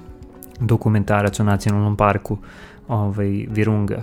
Ja ne znam u, je. znači on je u Ruandi, Aha, Kongu to je, to je i znači... Na, dobro, Kongo je na sredini, ali Ruanda je desnije, da, da, ali znači na istok. Virunga pokriva gomilu ovaj, zapravo tog Da, da, prostora tu i isto je znači ono krčenje zbog šume, zbog politike, zbog ovoga, zbog Jest. onoga. O, film je zapravo o nekoj vrsti onoj vrsti e, gorila koji imaju bela leđa, sad ja ne znam kako se... Da, zla, srebrno Da, leđi. Da, da. da. Sjajan film, mislim, film i o diverzitetu i očuvanju Da, da, da. diverziteta, a i u politici zapravo, pošto, Ma da, pošto su tu sukobi stalno, da. Da, da, što imaš lokalnih, a što imaš tog zapadnog sveta koji eksploatiše prirodne resurse u... Ali to ne, nećemo sad o Da, da, politici, da, da, da. Ok, znači imaš mrežu kilometar puta kilometar e, na osnovu satelitskih snimaka i... e, Ako treba na licu mesta Da. prilagodiš da ovo više nije Da, šuma da, nego da. šumski Mhm, rub, na mhm, primjer. mhm. Ovaj, I imali smo na svakom području ukoliko... Koliko je velika ta mreža zapravo? Koliko ste, ko, ko- e, koji ste prostor pokrili? Aha, znači na, na svakom području, e, sad da me ubiješ, na primjer da je 20 puta 30 km Mhm, ili tako, možda, možda je sad i jače. E sad, tu je dosta problem što ti imaš neko područje, to sad opet pričam ovaj, za, za Ganu, ali isto to je bilo i u Zambiji. Znači imaš područje gdje je kao šuma, ali opet jedan od limita ti je neprohodnost puteva. Zato što uh, putevi, pogotovo što sam ja bila u vlažnoj sezoni, i znači sve blato mokro je, to je prva stvar. Druga stvar je k- konstantno izvlačenje drva. Ti putovi su, putevi su toliko razvaljeni da, da je tebi to nepristupačno. A sad da ti hodaš 10 km vukući sa sobom 55 kg opreme na leđima nije baš izvodljivo, tako da smo na taj način bili malo limitirani, znači nismo mogli da pristupimo svim, ali smo gledali kao da bude random distribucija tih kvadranata, ali nije uvijek bilo moguće, pošto si ti bukvalno vezan za šumski put koji preseca recimo na tu šumu. Ovaj, I osim tog hvatanja smo postavljali te neke stacionarne detektore. A, imali smo po 10 u svakom tipu staništa, znači poljoprivreda, šumski rub i a, šuma. E sad, šta je fora? A, kad smo mi snimali eholokacione signale svih slepih miševa koje smo uhvatili, mi ćemo genetički da znamo koja je vrsta slepog miša u pitanju i da mu dodelimo eholokacione signale, pošto za mnogo vrsta još uvijek nije ni opisano kakvi su njima eholokacioni signali. Pa mi praktično pravimo biblioteku i onda to ćemo moći posle da koristimo a, kada budemo analizirali sve te snimke koji su snimani tim stacionarnim detektorima koji su po tri noći recimo radili za slepe miševi, isto po tri dana za ptice. I tu se može desiti, znači opet ćemo da gledamo da li postoji razlika u kompoziciji vrsta, da li postoji razlika u aktivnosti, da li možda smo snimili neke vrste koje nismo uhvatili i obrnuto. Mm -hmm. Tako da, mislim, to to ima toliko puno materijala koji tek treba da se obrađuje. Znači, sve, isti protokol je korišćen i u Gani i u, ovaj, i u Zambiji. Mm -hmm. uh, iako je potpuno je drugčije. Potpuno drugčije u smislu da u Gani imaš tropske kišne šume, a u Zambiji imaš nešto što oni zovu miombo, mislim, to nije baš ni šuma, onako dosta, mnogo je ređe, nema toliko tih spratova kao što ima u, u tropskoj kišnoj šumi, mnogo je suvlje, još pogotovo što sam ja bila u Zambiji u suvoj, sušnoj sezoni, mm -hmm, mm -hmm. tako da je uh, potpuno, potpuno sve drugčije, ovaj, ali, znači, protokol je isti. I sad mhm. ono što je jako, jako zanimljivo, sad na prvu loptu, bez bilo kakve analize, uh, dok smo u Gani imali vrste koje smo hvatali samo isključivo u šumi ili samo isključivo u poljoprivrednim a, staništima, u Zambiji imamo, ja mislim da sve vrste su svuda hvatane. Mm -hmm. I tu je sad jako zanimljivo da se, da se, da se gleda recimo pretpostavljamo da ovde gde su vrste usko ugani, vrste usko specijalizovane za stanište, da će i njihova ishrana biti onako dosta specijalizovanija, mm -hmm. A bit će jako zanimljivo videti u Zambiji ove neke vrste koje su prisutne na svim staništima, koliko im se razlikuje ishrana, znači kakvi su ti trofički mhm, odnosi, da li, da li su toliko specijalisti za ishranu da mogu da jedu bilo šta ili hvataju isti plen u sva tri tipa staništa ili su se prilagodili najrasprostranjenijem to će biti jako zanimljivo. To je sličan problem kao s ovim Brankinim doktoratom. A, sa parazitima. Sa da, parazitima, da. da. Da, ima mogu, pa to sad, sad zavisi, mislim opet zavisi od kompeticije, jel te, ako ima pet vrsta koje se hrane istom, mm -hmm, mm -hmm. Ist, istom hranom, znači mora tog plena da bude u izobilju, inače nema šanse da bi se svi ovaj, hranili time, tako da ba, baš tu ima jako puno stvari, a ovo je samo biološki, odnosno deo vezan za biodiverzitet mm -hmm, ovaj, u tom mm -hmm. projektu, pošto taj projekat isto ima i socioekonomsku komponentu, mm -hmm. zato što ne možeš ti sprečiti ljude da oni krče šumu, od čega oni žive praktično, ako im ne pružiš neku alternativu. Samo što ja sam se priključila projektu tek u poslednjoj godini praktično, a projekat ja mislim 4 ili 5 godina ovaj traje. Tako da ne znam ni šta je sve rađeno nekad, ali rađene su te silne mhm, ankete mm -hmm, da, da se vide zbog, kako se dešava, zbog čega se dešava. Ali Mm -hmm. Ne znam. Da, mislim sad sve vreme razmišljam, ok, jedan, jedna stvar je taj diverzitet slepih miševa, ptica i tako dalje, onda socioekonomski deo projekta i tako dalje. I šta, šta sad kad se sakupe svi ti podaci, šta će to da bude, šta će da bude rezultat projekta? Pa mislim, za, za, za početak će da budu naučne publikacije, ja sad to govorim iz svog a, ugla akademskog, a, ali isto tako bi kao trebalo na neki način da se vidi da li, mislim, priča isto koja je jako bitna jeste da mi vidimo da li neki od tih vrsta, sad i, i ptica i slepih miševa, da li imaju funkciju u uh, analizi štetočina. Konkretno se misli na mm -hmm, poljopri, poljoprivredne -hmm. štetočine, isto tako na insekte koji su vektori nekih bolesti. I onda na taj način da se malo možda usmerava uh, da ne kažem, mere konzervacije, da li nešto treba forsi, pošto na nekim lokalitetima smo imali čak da smo imali mnogo veći diverzitet vrsta slepih miševa u poljoprivrednim kvadratima mm -hmm, u poređenju mm -hmm, sa mhm. šumom, što nama ne ide baš u prilog da treba zaštititi iskonske šume zbog biodiverziteta, nego očigledno postojete neke vrste koje su profitirale od mm -hmm, poljoprivrede, mhm. pojavio se neki novi plenca, da li je neka štetočina ili nije, pa bi tu valjalo sada videti, znači ako ima mhm. više vrsta koje su se prilagodile na na ishranu nekog, sa nekim insektom koji pravi štete na, ne znam, plantažama kakao, to bi onda da. bilo kao super, mm -hmm, da, hajde da se držimo toga. Ali ako bi se pokazalo recimo da dolazi do značajnog narušavanja diverziteta, Uh, onda bi valjalo na neki način sprečiti dalju eksploataciju i znači zaštititi te šu. Znači ja sad pričam samo za te mere konzervacije iz biološkog mm -hmm, aspekta. Ja, mhm. pošto stvarno nisam upućena u celu priču vezanu za projekat što se tiče tog socioekonomskog, mislim, kako i koju ti alternativu da pružiš njima umesto toga od čega sada žive. Mm, da, pa veći ti problem industrializacije. Pa jeste, tako je, konflikt prirode i čoveka, da, borba za resurse. Da li je poljoprivreda u Gani ili ne znam Rio Tinto u, u Srbiji ili gde već. da. Um, šta sam još hteo da te pitam? Pa da, hteo sam zapravo da te pitam, ali to možemo možda i čak i nakon male pauze, a to je kako izgleda jedan dan kad ti ono, ideš na taj teren i tako dalje, gde, gde, na šta sve nailaziš, mislim to mi je potpuno... Ha, ovaj, se ona ne, neka iskustva, ono, prilike, prilike i neprilike sa terena da, u Africi. Da, da, da. Dobro, važi. Ništa, mala pauza pa ćemo onda da pričamo o tome.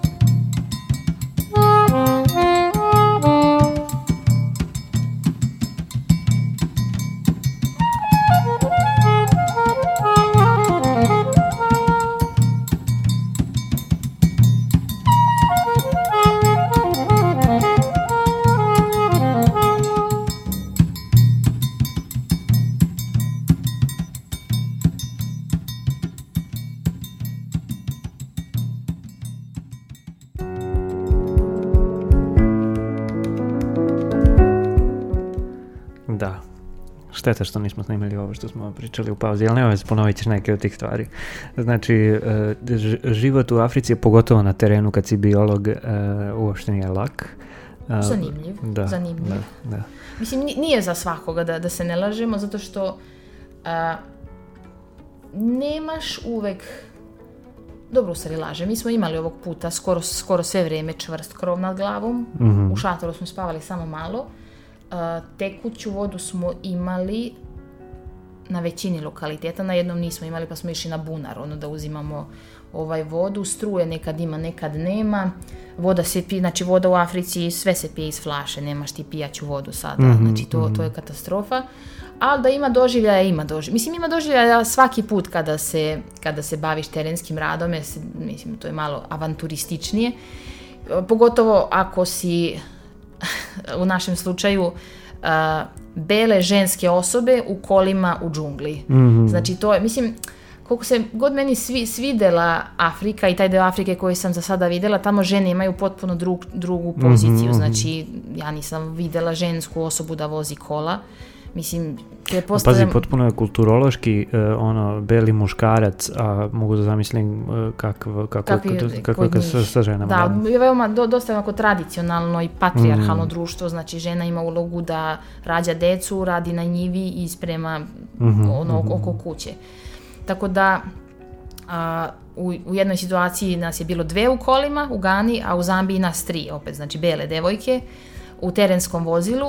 U početku u Gani su insistirali kao ovi iz rukovodstva projekta da uvijek imamo neko muško u društvu, ali pošto je često bilo teško naći nekog raspoloživog, lokalnog pogotovo, mhm, mhm. onda smo, mislim, nas dve nismo morali, mogli da čekamo, nego idemo, pogotovo kad je trebalo da postavljamo te stacionarne detektore, ovaj, zato što moraju da stoje određeno vreme mm. i onda ništa, ti uzmeš mapu, idemo u kola i otprilike gađamo koje ćemo kvadrante. Sad, jedna situacija je na mapi da deluje da ima put, da je pristupačno, a na terenu često bude drugčije, recimo mm. ili put ne postoji, ili je put zagrađen, ili je put razvaljen. Dešavalo nam se da da smo bukvalno ostali zaglavljeni u blatu i to samo zato što smo dobili vozilo koje E, nije funkcionisalo 4 puta 4 onda mi uh, zovemo ove naše i kažemo zaglavili smo se u blatu. Da, da, da, devojke pa nesposobne. Znači to je nažalost taj to ni ne znaju da uključe prenos na sva četiri točke ma A... i, i ne znaju ni da ga koriste mm. zaglavile se i došli su, iščupali su nas odande. I onda posle kad se kolega na mnogo zaglavio. benignijem mestu zaglavio znači istog momenta se intervenisalo, mi smo dobili za dva dana novo mm. vozilo sa apsolutno ispravnim 4 puta 4 tako da imali smo veoma blatnjavih momenta zato što bili smo u Gani u kišnoj sezoni. Znači mhm, kiša je mhm. padala bukvalno svaki dan. I to pogotovo, ali, znači to nije kiša da sad malo pada, nego to kad krene da pada, to te opere. Znači bukvalno jednu noć kad smo radili, uhvatila nas je takva pljuščina da u roku od sat vremena koliko je kiša padala, a, ceo jedan potok je poplavio i neka staza ono kuda smo išli, ko što je ne znam recimo 15 metara od tog potoka je imala visinu vode preko mojih kolena, znači džaba sam imala gumene čizme, mm -hmm. znači sve bilo potpuno preplavljeno vodom, ali dobra je stvar što iako si potpuno mokar, noću bude 20 nešto stepeni pa mm -hmm, ne smrzavaš mm -hmm, se. Mm -hmm. Tako da imali, imali smo te avanture, zgode i nezgode sa, sa kišom, sa blatom, znači blata, ja nisam u životu bila blatnjavija nego, nego za tih šest nedelja u, ovaj, u Gani. Jel prestaneš da obraćaš pažnju posle da, nekog vremena? Da, to, znači da. apsolutno više, je sve jedno, samo ono, ostavim, bukvalno kad postavimo mreže, ostavim telefon u kolima, pošto mi nije vodootporan, mm -hmm. pa da, da ne bi pokisao ili nosim ono kao vodootpornu torbicu neku, pa te elektronika se spakuje tu, ali jednostavno se pomiriš sa time. Ovaj, to je jedna stvar, druga stvar su komarci. O, znači, komaraca nijedan repelent ne pomaže. Otprilike, ako oni odluče da, da oni da će da navale na tebe, nema šansa. Mm. Isto tako, ne samo komarci, nego i razni drugi insekti, recimo imaš, radiš noću, imaš čeono svetlo. I onda ro insekata koji ti se skuplja oko te lampe, pa ulaze u oči, ulaze u nos, znači katastrofa jedna. Uh, a, nama su, mislim, ja kako sam stigla u Ganu, odmah su mi rekli, pazi se zmija, ima crnih mamba. Ako te ujede crna mamba, niko neće ni pokušati da te spasi, zato što... To je ona najotrovnija Ma da, prebrzo umreš ti da, za 10 da. minuta gotovo.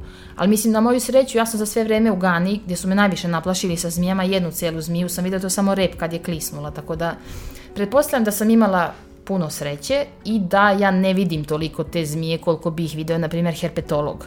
Verovatno mm -hmm. ih je bilo gomila koje su mhm, prošle mm -hmm. neopažene, a volim da verujem da ih nije ovaj, bilo.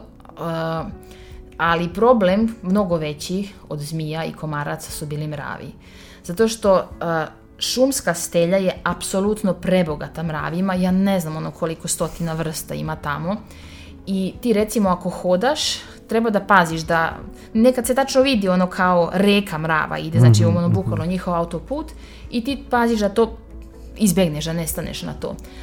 A recimo ako nešto radiš ili ne da Bože imaš slepog miša koga treba vadiš iz mreže pa se ne krećeš nekoliko sekundi ili nekoliko minuta, ti u roku od, pa ja ne znam, bukvalno 10 sekundi, budeš prekriven tim ravima, a da toga nisi ni svestan. I onda oni bukvalno kao na 3-4 sat svi odjednom počnu da ujedaju. Znači to, to je toliko jezički. Ja sad zamišljam scenu, znači ti ono postavljaš na drvo ili ne znam, odakle vadiš slepog miša iz, iz, da stojiš. iz mreže i ti stojiš i samo ono samo kao 10 da sekundi ujeda, da, i ti onda kreneš da skačeš, da, ali, ali slepog miša moraš izvaditi iz mreže i onda znači jezivo je. Isto tako ove što smo postavljali stacionarne detektore, pomoću ono čičak trake smo ih kačili recimo na stablo ili na granu.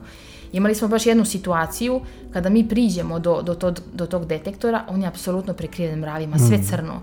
E sad, da bi ga skinuo, ti moraš da odlepiš čičak, da, da to izvučeš.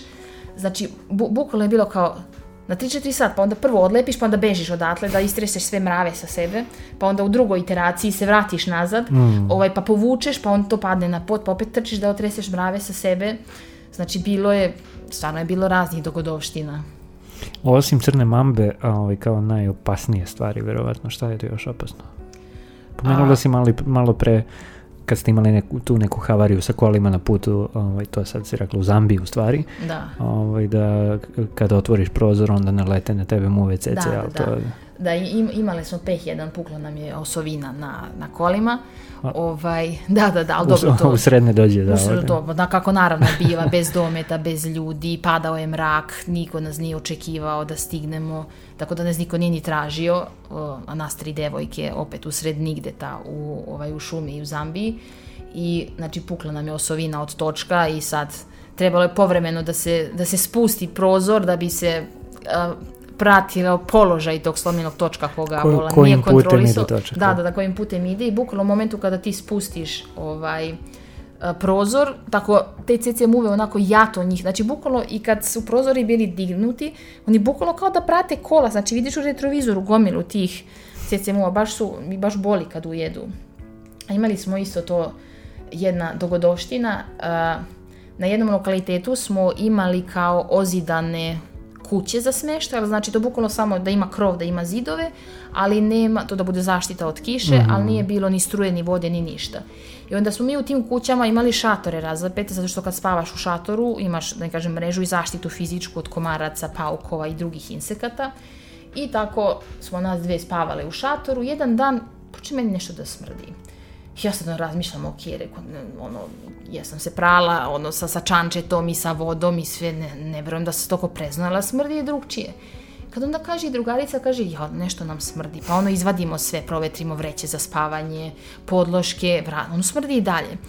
I onda rekao, da nemamo mi nešto ispod šatora. Mm. I ova kaže kao, ma šta bi imali ispod ja dignem šator, a ono zmija mrtva ispresovana ispod šatora. Znači ona je vjerovatno ušla u kuću da bi se rasladila, pošto u Zambiji je bilo 35 stepeni ono, tokom dana i sad, mislim, ušla unutra i zavukla se negde gde je bilo dovoljno hladno i šta mi, naše vreće za spavanje, dođe s terena, samo se baciš u, u vreću, pa smo je verovatno spljeskale u nekom trenutku, ni- nismo imali pojma dok nije počelo da smrdi. Tako da, i onda da, onda smo slikali kao, ha da vidimo je li otrovno. Pa kažu kao jeste malo otrovno, ali kao nije za čoveka ništa kao prevelika opasnost, tako da smo dobro prošli. Da, da, da. Da, tako da na, na, na nekim, u nekim situacijama mi, se- mi se čini da smo da smo imale dosta sreće, zato što, mislim, šta je moglo da bude sad, mada, šta može da bude ovdje u Beogradu udariti na pešačkom autu, tako Ma, da to nikad... Da, da, da, uvijek postoji rizik od nečega, da, Da. samo što je, e, e, eto kažeš, e, Gana i takva vrsta e, okruženja je nešto na šta nisi navikao uopšte, Tako znači je, potpuno mislim, nešto za mene je to drugačije. či- čista egzotika i pogotovo pre nego što sam otišla tamo sam morala da se vakcinišem, ne Mhm, znam, protiv hepatitisa A, B, protiv žute groznice, morali smo svi da budemo vakcinisani protiv besnjela zbog rada sa slepim miševima. Ja imam od ranije vakcinu, ali sam morala da proverim antitela, jer još uvijek radi. Uh, antimalarike sve vrijeme sam morala da pijem, tako da ima tu dosta priprema Da, da, da. Nije sad baš da imaš bolnicu na svakom ćošku Mhm, i pitanje ako bi ti stigo do bolnice Da li bi neko mogao da ti kakvi, pomogne? da, kakvi su tamo tako da mislim nije za zezanje, mislim stvarno smo pazili, ali dešava se uvek. Da, a kad smo kod ovog uh, kulturološkog dela, recimo i to me zanima, na koji način su lokalci tu vama pomagali, kako su gledali, jesu vam odmagali E, možda? To, to e, sad opet... e, Jeste imali neki kontakt? Da. E, Jesmo, jesmo, pogotovo kada se radi poljoprivreda, zato što ti si blizu ljudskih naselja i ti njima ulaziš na, na, na teritoriju, na njihovu njivu. I recimo, to pogotovo u Gani, na početku e, rada u svakom području smo imali prijem kod lokalnih šefova, znači šef plemena, šef zajednice, šta god već, znači koji, kojima je najavljeno, ovi ljudi će da dođu, radit će to i to, neće vam gaziti useve, samo će da postavljaju to ili hvataju to, Znači moralo je da se, da se najavi i recimo kada smo radili u e, poljoprivrednim kulturama, vrlo često smo imali posjete lokalaca, pogotovo u Zambiji. U Zambiji je bilo ludilo. Znači bukvalno postavljaš mreža oko ono, polja kukuruza, dođe njih 50 dece i kako si ti, možda sam pretila, 30 je bilo sigurno.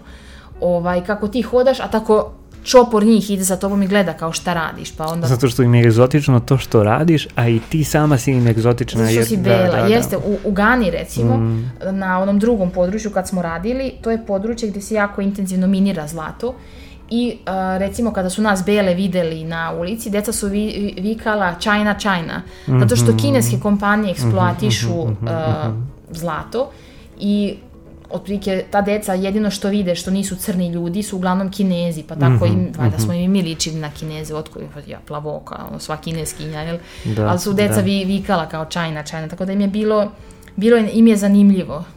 Da. Ali mislim više radoznalost. Da, pa dobro, mislim, to je ra radoznalost i ovde kad, kad ti neko dođe, ne znam, na imanje da ne znam šta radi, mislim. Da, da, pogotovo ako...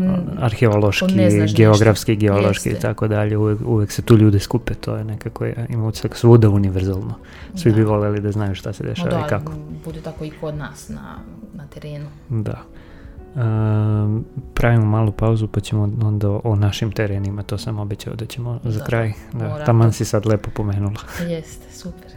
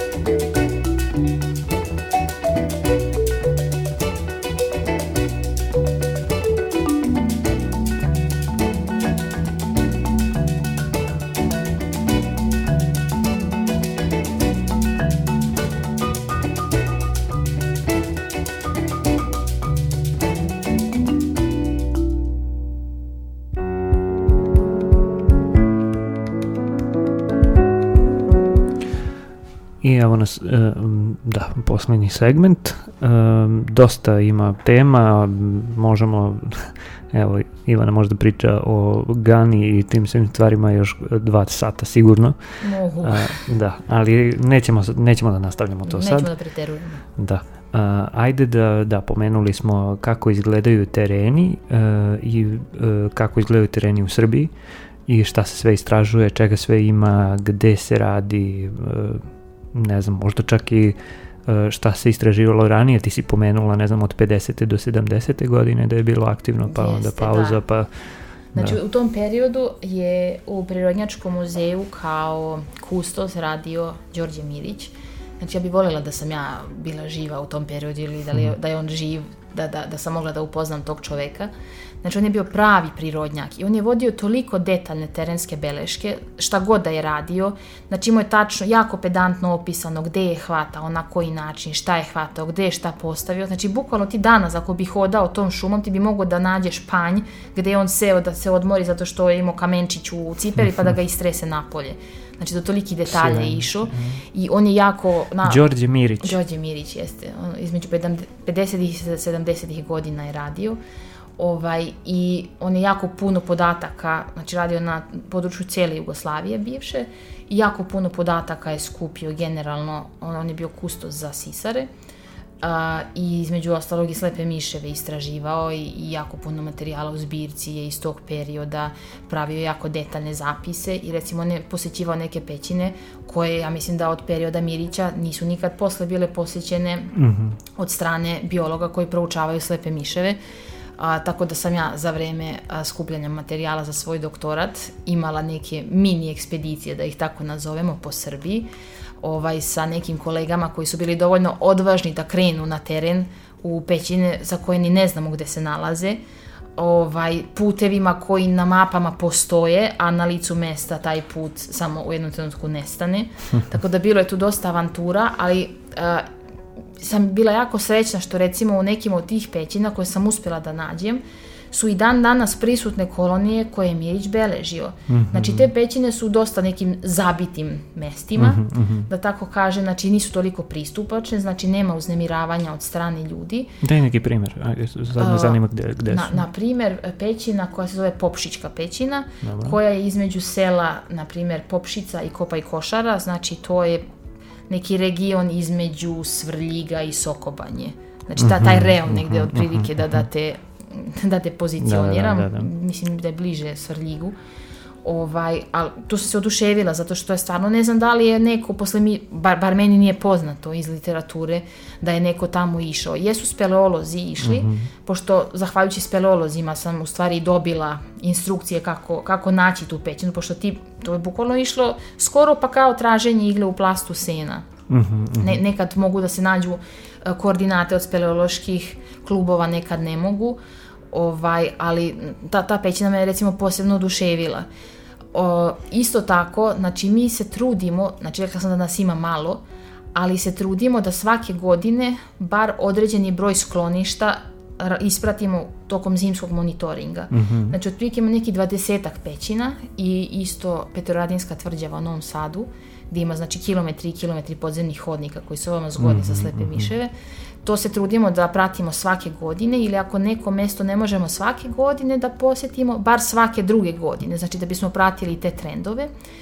A, kod nas je najviše fokusa bilo stavljeno na istraživanje pećinskih vrsta slepih miševa, što donekle logistički ima smisla, zato što ti ako imaš pećinu i ti ako tu postaviš mrežu, ti ćeš uhvatiti ono što je, što je unutra, znači ono mora da izađe kad tad -hmm. da, mhm. da bijeli. A iako sam ja radila na, na pećinskoj vrsti, a, meni su izuzetno zanimljive vrste koje su šumske vrste, zato što a, njih recimo hvatamo nekad na pećinskim ulazima, kraj avgusta, septembar, znači početak jeseni u suštini, kada je period parenja i rojenja. Sad, mm -hmm. šta je rojenje? Znači, za neke vrste je jako karakteristično da se, znači vrste koje nisu inače pećinske, ali da se u velikim brojevima skupljaju ispred ulaza u pećine ili ulaze u pećine. To je znači bukvalno kao priprema za hibernaciju. Sad se mhm, pretpostavlja mhm. da oni tu razmenjuju informacije gde su zgodna hibernacijska skloništa i tu se takođe odvija parenje. Tako da mi praktično neke vrste uh, imamo samo podatke iz tog perioda, znači kada su hvatani mm -hmm. Uh, na pećinskim ulazima, neki sporadični nalazi u pećinama tokom hibernacije, pošto drva uglavnom nisu dovoljno termoizolovana da bi u njima hibernirali čak i ove vrste koje su dendrofilne, ili recimo nekad tokom leta, tokom noći se desi da bukvalno uđe unutra da se odmori. Ali mi praktično pojma nemamo o njima, znači koliko stabala je okupirano, da, mm -hmm, da li mm -hmm. imamo stabilne populacije nekih vrsta, da li nemamo, tako da to bi tu bi trebalo jako puno da se radi, znači da se proverava dosta stabala, da se postavlja jako puno mreže, zato što ti ako prilično nasumično postavljaš mrežu u šumi, ti moraš da ideš na količinu, znači jako puno mreža moraš postaviti da bi povećao verovatnoću da ćeš bilo šta uhvatiti. I malo si rekla, oni vrlo brzo nauče gde je mreža, tako da... Upravo tako, ne mm. možeš dva dana za redom da stavljaš na isto mesto, mm, nego bi mm. morao da, da premeštaš, a to sve iziskuje vreme i ljudstvo, a u suštini i pare, odnosno treba ti mhm, oprema, mm -hmm. a mi imamo nešto opreme, ali nemamo baš u tolikoj meri. Ali isto tako ne možeš ti postaviti 20 mreža ako nemaš ljudi koji će da obilaze te mreže, zato što ako slepi miš upadne u mrežu, za razliku od ptice koja će da džeđi u toj mreži, slepi miš je lepo da progrize rupu i da izleti i sad tu je dupli gubitak, ti gubiš, mm -hmm. oštećena ti je mreža koja uopšte nije jeftina i pobego ti slepi miš. Tako da nekad je to ono možda malo preambiciozan, mhm, preambiciozna mhm, mhm. zamisao, bilo bi lepo raditi, ali nažalost ovaj, nemamo, nemamo dovoljno ljudi. Ali znači to sam rekla da se trudimo bar delimično da uradimo taj zimski monitoring i sad sa razvojem tih pasivnih detektora, ja recimo gde god idem, znači idem kući kod mojih, idem negde turistički, ja ponesem sa sobom taj detektor i postavim na prozor smešta mm -hmm, ili negde mm -hmm. na neko drvo to je opet novi, novi UTM kvadrant sa nekim novim podatkom, pa makar i zabeležila neke česte vrste, mislim česte i obične vrste, zato što recimo ovo što sam spomenula, belorubi slepi mišić, mi kažemo, ma njega ima svuda, njega stvarno ima svuda. Ali ti kad pogledaš UTM kartu Srbije, više od 80% kvadranata je prazno. Znači prazno je zato što nema podataka koji su Mhm, mhm, prikupljeni mhm, i upisani, a ne zato što ta vrsta nije rasprostranjena tamo. Rekla si UTM karta, šta to znači UTM? O, mislim, bu, samo dođe u univerzal ili uni, tako nešto transfers mercator, bukvalno jedan način kako Aha, se prava projekcija polja, karte, da, projekcija da, da, da, karte, da. hvala ti. Da, da, da, ovaj, da. bukvalno ima mreža 10 puta 10 km i onda... Da, da, da, da, da, mislio sam da je neka, neka specifična karta sa, na koju se ubacuju baš po, samo podaci za zlebe miševe. ne, Da. ne, jok, ne, nego u, u ovom konkretnom slučaju smo mi mapirali naše podatke ovaj, na UTM mrežu, pa da se vidi gde nam fali podataka, znači gde imamo rupe, ba da se tu malo više ovaj, Mhm, A šta je taj uređaj? Kako taj uređaj izgleda? Šta, ovaj, kako da... E pa sad, znači imaš ih raznih, imaš neke koje su malo veće, malo robustnije, ono da bude težu, ono između pola kile i kilogram, pa onda imaš neki mikrofon koji se dodatno kači.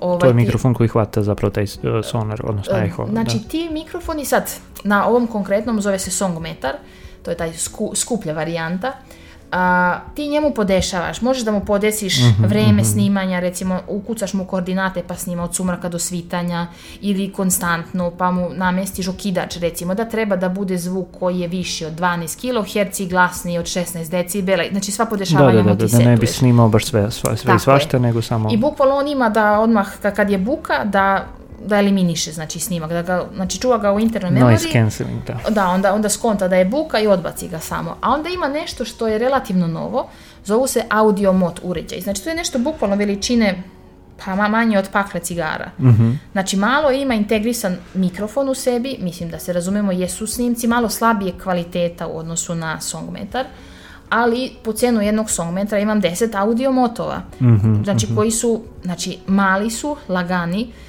mi smo bukvalno, možeš da kupiš komercijalnu njegovu zaštitnu kutiju koja košta kao i sam detektor, ovaj, a mi smo pravili od ovih, nisu razvodne kutije, nego one kao kutice za, pa jesu kao razvodne, ono u, u zidu, ono što gde se kablovi, Mhm, mhm, pa je, mhm. jesu te Jesu kao ra, razvodne, ra, da. razvoj, svako zove Da, da, razvodne pa da, kutije. da, da, one za, da, za štekere i, Tako i je, da, da, tako da, je, one bukvalno, okrugle. tako i to ono ima i cilindrične. IP55, pa onda može malo i, i bukvalno samo izbušimo rupu tu gde je mikrofon, Mhm, neku hidrofobnu membranu nalepimo, nalepimo preko da bi povećali I može se i na 3D štampaču štampati vjerovatno. ovaj, To je isto tako je, jeftino, tako je, da. tako je, postoje, znači različiti ljudi su napravili svoje patente Mhm, mhm. baš na 3D štampačima. Mi smo prvo bili ovaj, da probamo, da, da tražimo ovaj, taj neki model, a onda, opet ovi moji kolegi iz Španije vjerojatno štucaju koliko ih puta spominjem, a, ja sam bukvalno ukrala foru kod njih, odnosno prvi taj detektor sam od njih dobila, onda smo mi nabavili nekoliko ovaj, preko nekog projekta što imamo i to je onda fantastično zato što ja, bukvalno moji drugari kad idu gde god na teren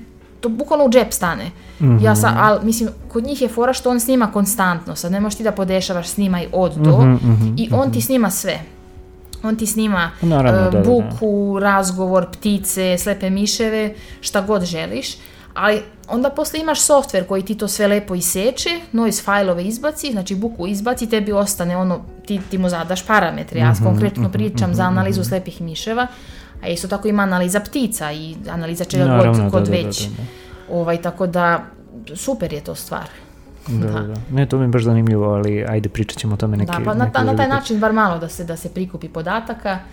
Ovaj, nešto podataka o distribuciji skupimo na osnovu rehabilitacije, pogotovo recimo po gradovima znamo, znači već da se znamo ko, u kom gradu, izvinjam se, u kom delu grada su koje vrste, u kojim zgradama, zato što svake godine iz tog područja ovaj, dobijamo neke, neke pozive. A, onda imamo aktuelan trenutan jedan projekat na području Đerdapa. Zato što na osnovu prstenova koje sam spomenula, ranih godina je ustanovljeno da neki slepi miševi koji su tokom leta u srpskom delu Banata, zimu provode u rumunskom delu Banata. Znači kolege su bukvalno našli o, naše slepe miševe sa našim prstenovima, očitali su brojeve i onda smo skontali da postoji ta Ali prekogranična migracija. njihovima, da, da, da. Tako je, tako je. Znači, bukvalno to- i ista vrsta, samo što su ovdje leti, tamo su zimi. Priroda ne zna za političke granice. U, tako da upravo to- tako. E, a onda je nas interesovalo da li a, postoji i ta prekogranična, u ovom slučaju i preko Dunavska migracija na području Đerdapa. I sad imamo baš projekat koji je prvenstveno vezan za potkovičare, to je jedna familija slepih miševa, kod nas postoji i u Evropi. To su sve ovi mali koji su zapravo sta, žive u pećinama. U suštini. da, da, da, mislim, da, sad, da. sad mali. Ono, ljudi, ljudi zamišljaju, recimo, kada, kada odraslog belorubog slepog mišića koji ima 6 grama, kada nađu, kaže beba. Nije to beba, to je odrastao. Uh -huh, uh -huh. A ovi, recimo, potkovičari, veliki potkovičar ima 20 grama, mali potkovičar ima 5, imamo tri srednja potkovičara koji su tako, recimo, oko 12 grama, uh -huh, 12 do 15. Ovaj, Tako da e, to sa Rumunima imamo sinhronizovane terene, znači pokrivamo sve ovaj faze godišnjeg ciklusa slepih miševa. Imamo prolećne terene, letnje, jesenje mm -hmm, i mhm, mhm. zimske, tako da to nam je sada isto deo zimskog monitoringa. Uh, radimo prstenovanje slepih miševa i nadamo se da će kolegi da nam jave eto, eto neki vaš je prešao kod nas. Isto tako smo postavljali te, de, znači duž đerdapa sa obe strane, smo postavljali i te detektore mm -hmm, za snimanje. Mm -hmm. Isto tako su ti detektori postavljani na uh, i, uh, ostrva u Dunavu, -hmm, znači, ali da, mislim sve su postavili Rumuni, pošto politički, administrativno, sve je to rumunska mhm, teritorija. Mm -hmm. I čak i ovde, znači na tim ostrvima gde nema skloništa, to su znači bukvalno mala neka ostrvca, ovaj, gde nema skloništa, pogotovo za te pećinske vrste, snimljeni su eholokacioni signali. Mm -hmm. Što znači da preleću tu, mm -hmm, da samo ne mhm. znamo mm -hmm. samo recimo da leti sa rumunskog kopna do tu i nazad ili preleće celom da, da, dužinom, da, da, to to ne znamo. Dobro, to je sad u toku i to čeka zapravo zimski monitoring da biste videli Da, radili smo prošle, sliku. da, znači to je dvogodišnji projekat, sad smo u drugoj godini. Mm -hmm. Prošle godine smo odradili celu celu turu ovaj terena, sad treba da za nekoliko dana da startujemo sa, odnosno kad bude bila emisija 15. mi ćemo biti ovaj na terenu tamo. Da, da, da, da. da. A, dobro. Uh, mislim, sad sve vreme razmišljam i, i dok te slušam i malo pre kad si pominjala zapravo kako izgledaju ti uređaji i to možda, možda ne bi bilo loše da pomenemo, ali meni ono što pada na pamet je prvo s jedne strane naravno um, da, da je to jedan super problem za uh, machine learning uh, algoritme recimo. Jeste pogotovo, znači, znači postoje ti... I, i zvuk i slika i sve, mislim to je... Jeste, jeste. Da, a s druge strane imam utisak da će to sve i više i više da bude pristupačno u smislu da će moći kao ovi mali uređaji koji mere zapravo uh, koncentraciju PM10, 2,5 čestice i tako dalje, moći da... Jeste, da, citizen to, znači science. To upravo zbog ti čekaj, sorry, odakle, odakle da krenem. Ajde od građanske nauke, pa ćemo, da. na machine learning možemo da se vratimo i ne moramo. To Mislim, je ono, ne, to mogu da kažem, zato što već postoje algoritmi, recimo, za automatsku identifikaciju. Mm -hmm. I tebi, tebi on izbaci, ali svaki put mi moramo da radimo i manualnu verifikaciju. Sad, šta je, šta je fora, recimo? Uh, to se to uvek dajem, na primjer, englesku za primjer, oni imaju tri vrste iz roda pipistrelus, jedan je na 36 kHz, jedan na 45, jedan na 55. Znači, to je dosta dosta razdvojeno. Mm -hmm, Dok mi recimo imamo još dva koja su ubačena između. I znači ima jako veliko preklapanje. Sad njemu je, to što je njemu primenljivo za automatsku identifikaciju, u našem, u našem slučaju nije. Ili znači mhm, možeš mm -hmm, samo do mhm. nivoa što mi kažemo do sono grupe ili sono tipa, da Dobre, kažeš da, jedna je... kroz druga vrsta. Ali treniraju se ti algoritmi za, znači ti praviš gomilu podataka mm -hmm, kojima ga hraniš mm -hmm. i kažeš to je ova vrsta, onda on uzima te sve mere, dužina, trajanje ova impulsa gde je maksimalna energija fokusirana i sve to. Znači, jako puno se radi na tome upravo zbog tog procesa automatizacije, mm -hmm. da bi se što više podataka prikupilo bez tvog ličnog prisustva na terenu i trošenja previše vremena. I to što si spomenuo, ti pristupačni uređaji, znači ti audio motovi su, mislim, nekih 60-70 evra je komad. Stvarno, samo toliko? Da, da, da, da, da. I, i, ili evra ili dolara, ali, aj neka bude 70 da, da, dolara, okay, ali znači to je postalo prejeftino ako uzmemo u obzir da recimo Petersonov ručni detektor jedan košta skoro 5000 evra. Da, da. Znači to samo da. poređenje reda veličine. Jeste da ovo ima mnogo jači mikrofon, ali ja ću radije da kupim mnogo ovih manjih, da bi pokrila što više, što veći prostor mm -hmm, i skupila mm -hmm, više mm -hmm. podataka, a ovaj neka bude za neke su sofisticiranje analize kada ti moraš detaljna merenja zvuka, neke eksperimente da mhm, radiš. Mm -hmm. Ovaj, uh, opet spominjem moje drugari, oni bi me ubili, u stvari nisu španci, nego su katalonci. Pošto, da, sad, sad sam skontala šta pričam sve vreme. A, znači, oni su napravili i vode već ne znam koliko godina nacionalnu šemu monitoringa slepih miševa u Kataloniji. I to su ono počeli prvo, znači ona njihova grupa, a sada imaju celu armiju volontera koje mm -hmm. treniraju nekoliko puta godišnje i oni obezbede volonterima te audio motove i uh, tako se zovu ti ovaj mali detektori jeftini i onda ti volonteri da li postave na svoju kuću negde u šumu u blizini kad negde putuju i na taj način se onda skupljaju podaci onda te snimke one šaju ovim, ovim mojim kolegama i onda one pune svoju bazu podataka. Što više podataka to će ti modeli zapravo mnogo bolje da rade za Tako je, prepoznavanje zato što ti posle možeš da modeluješ distribuciju, pa onda na osnovu toga da ako imaš neku rupu u distribuciji na mapi vrste, a po tvom modelu bi ona trebala tu da bude prisutna, onda odeš tamo ciljano da je tražiš. Tako da, ali mislim to, mislim to je fantastično. Oni su za nekoliko godina toliko puno volontera napravili. Prvo su počeli saradnju sa zaštićenim a, područjima, pa su tu trenirali recimo rangere, pa kao hajde prvo odatle, onda su krenuli sa naj, najobičnijim ljudima koji su dal zaljubljenici u prirodu ili jednostavno zainteresovani za ove stvari i žele malo da se angažuju. Tako da mislim da to ima jako puno potencijala, samo kod nas još nije, mi smo još dosta daleko, ali bilo bi dobro da razmišljamo na, na, na, u tom smjeru. Dobro, ja sve vreme ovo pominjem i e, usmeravam na tu stranu zato što se nadam da neko od slušalaca Radio Galaksije će da se zainteresuje, e, zainteresuje da pomogne oko, oko Prikupljanje toga. podataka. Ne samo prikupljanja podataka, nego čak i oko, uh, ne prikupljanja podataka u smislu je do, daj ti meni taj jedan uređaj, ja ću da ga stavim na kuću, da ja sam siguran da ima takvih, uh, nego više i u osmišljavanju toga kako da se takva vrsta monitoringa kakva postoji u Španiji u Kataloniji, Da, da, da. ovaj, Mislim da je samo jedan primjer, znači Uradi- ove uradi zemlje zapadne nas. Evrope imaju nacionalne šeme monitoringa, Mhm, mhm, mhm. ko, ne znam, recimo, do sad malo drugčiji primjer, ali Irska. Irska ima recimo markirane, znači znaju lokaciju apsolutno svih skloništa malog potkovića. Znači bukvalno ih po imence znaju. Ono, a zato što to, ne, ja ne znam koliko godina im traje to, ne, sad da ne Mm. odvalim da 50 godina i to je kontinuirano sva, svake Pa godine. da. Ali mislim, Naravno, naravno, naravno. Pa pre, ne znam, pre nekoliko epizoda su mi bili Mirko i Uroš ovaj, od ovde koji Sa- rade... sa Žižaka. Sa Žižaka. Ovaj, e, da, mislim, to je potpuno sve. fascinantno. Znači, jeste, to je znači ono to skupili- 30 godina traje taj Tako je. eksperiment u suštini. Tako I te je. kad imaš takvu ono, kontinuitet i tako dalje. Jeste. Tako da baš je šteta što to ne postoji za slepe miševe, nadam se da će postojati No, od polako. pa Da, ali znači da. da to nam trebaju ljudi, znači koje treba da... Tre, Mhm, tre- treba nam stalno mlada krv.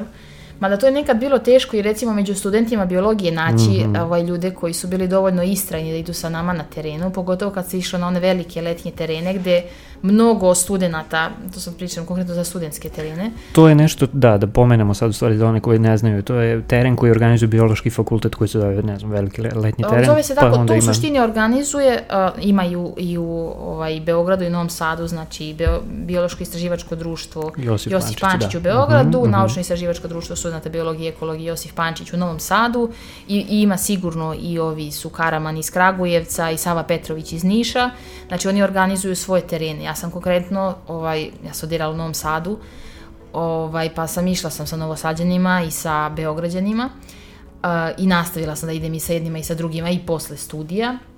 Sad šta je fora? Grupa za slepe miševe je aktivna noću, sve ostale grupe su aktivne danju.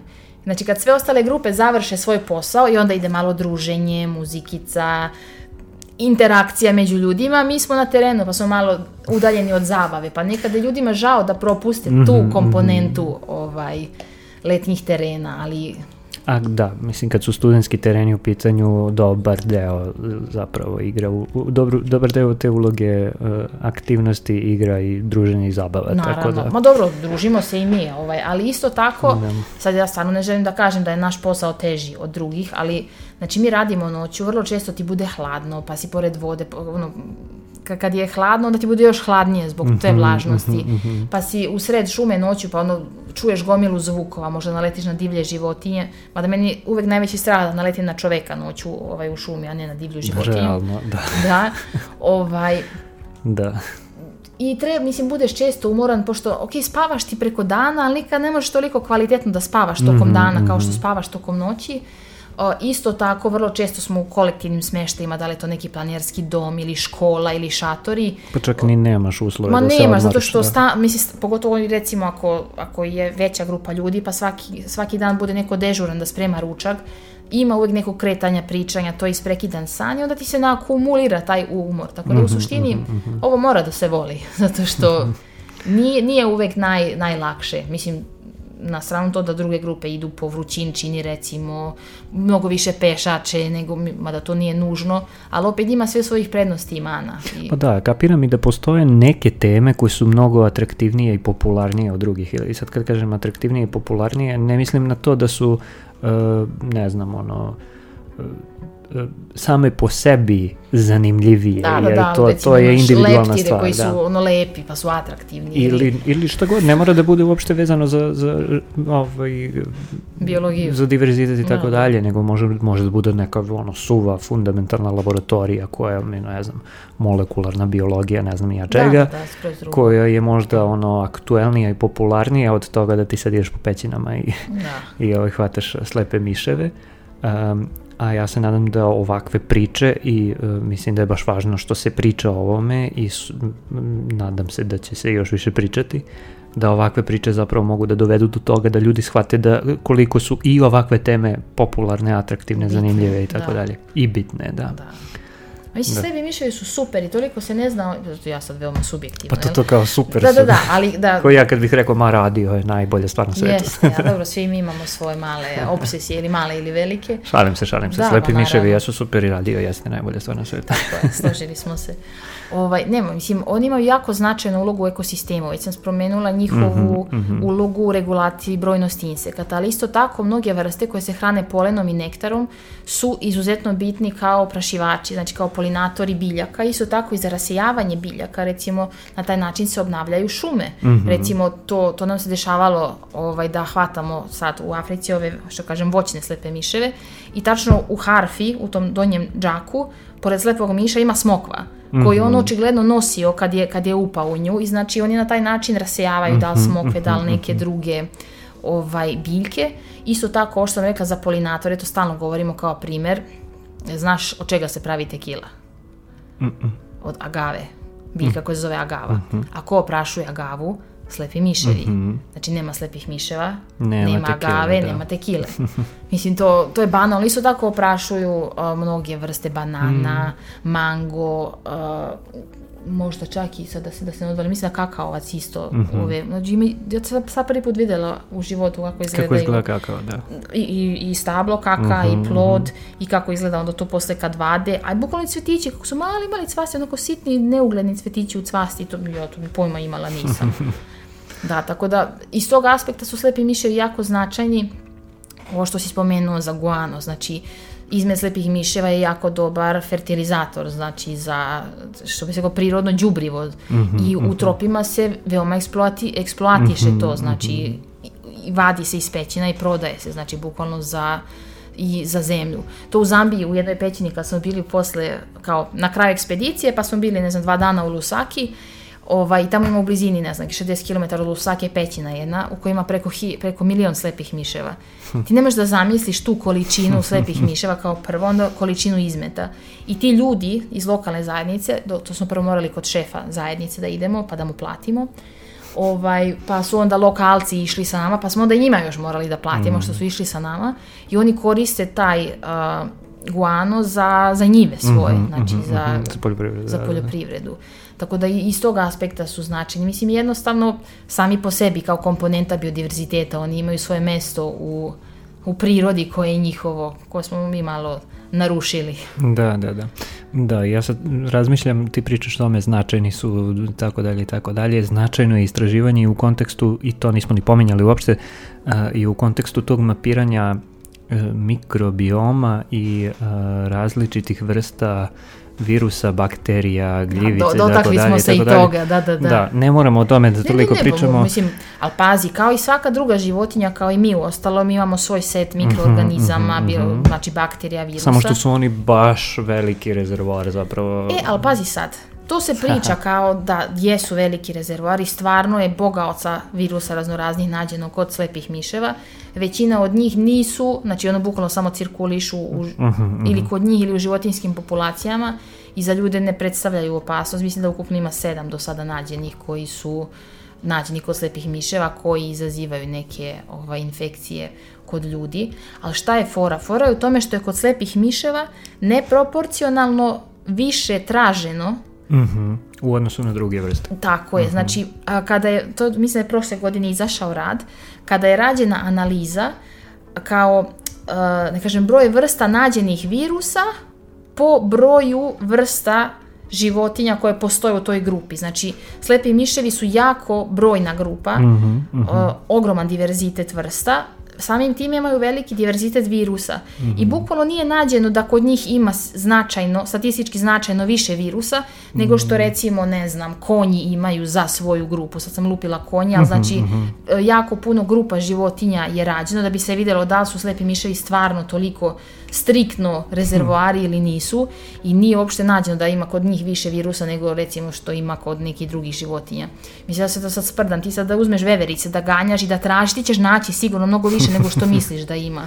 Ne znam što mi pade veverica da, da. na pamet, ali... veze, da. Da, ali znači kod slepih miševa se ciljano traži. Ako ti ciljano, ciljano baš to gađaš, naći ćeš ga. Mhm, mhm. Da. Što zapravo, ako se stvarno ovaj, malo detaljnije e, m, ljudi pozabave time, to može potpuno promeni percepciju Percepciju, toga tako je. odakle dolaze zarazne bolesti i možda... A mislim da. odakle dolaze zarazne bolesti. Znači svi ti patogeni, mikroorganizmi, oni imaju svoje mesto u prirodi, oni imaju svoje domaćine i ti domaćini žive negde u prirodi, mi živimo gde živimo. E sad, kad mi krčimo sve te šume, mi narušavamo njihova prirodna staništa, mi dođemo u kontakt sa životinjama i njihovim patogenima sa kojima nismo bili ranije u kontaktu, a isto tako kako dolazi do preskakanja sa životinja na životinje, opet ti njih sabiješ, znači oni su nekad davno bili na velikom pro- prostoru, svako na svom mestu, ti kad njima ograničiš njihovo područje, sve ih sabiješ na malo područje, onda nekad možda vrste životinja i njihovi patogeni dođu u kontakt koji ranije nisu imali mogućnost i tako može doći do tog spillovera, odnosno preskakanja s jednog na, dru- na drugog domaćina. Tako da mi treba da stavimo prst na čelo i da se zapitamo šta radimo i kuda ide ovaj svet. Da, dobra poruka za kraj. Da. E, dobro, nećemo baš da završimo sa ovim ovakvim. E, naravno, treba da se zapitamo i sve više treba da se pitamo i zbog očuvanja životne sredine i, i biodiverziteta i e, klime i a, tako dalje. Stalno to pominjemo. E, voleo bih da završimo sa time da ako nekog više zanima u odnosu na ovo što smo pričali o slepim miševima i o istraživanjima slepih miševa, gde da traži, gde da kopa, šta da čita, Šta da Jel čita, možeš mislim, da- ima, da imamo nešto mi ovaj... Gde da ode? Gde da ode, pa mislim može da se javi nama ovde na IBIS ili ima kolega u Prirodnjačkom muzeju, na Biološkom fakultetu ovaj, u Beogradu, sad sad pričam konkretno za, za, za Beograd zato što smo tu ili bilo, Mhm, mislim, da ne kažem, mi, mi se znamo međusobno, isto tako mogu da kontaktiraju Zavod za zaštitu sredin, životne sredine, bilo koji od radnih jedinica, pa ćemo se mi upućivati jedni na druge. Tako da, ali mislim ima jako puno sad već u današnje vreme na društvenim mrežama sve to, to što sam rekla da mi nemamo zvaničan centar za rehabilitaciju slepih miševa, ali ljudi, znači, bukvalno preko dva, tri klika na, na Facebooku se nađe Pa da, kontakt, tako da, da, da, da. ima volje ima i načina, što bi se reklo. Da, i d- kad si sad pomenula i Centar za rehabilitaciju slepih miševa, šta da se radi kada naletimo na slepog miša koji je, ne znam, Na ušao u sobu, na zemlji? A dobro, to su sad, sad različiti scenariji, to ako je ušao u sobu zavisi da li je negde uzemljen, odnosno prizemljen i ne može da leti.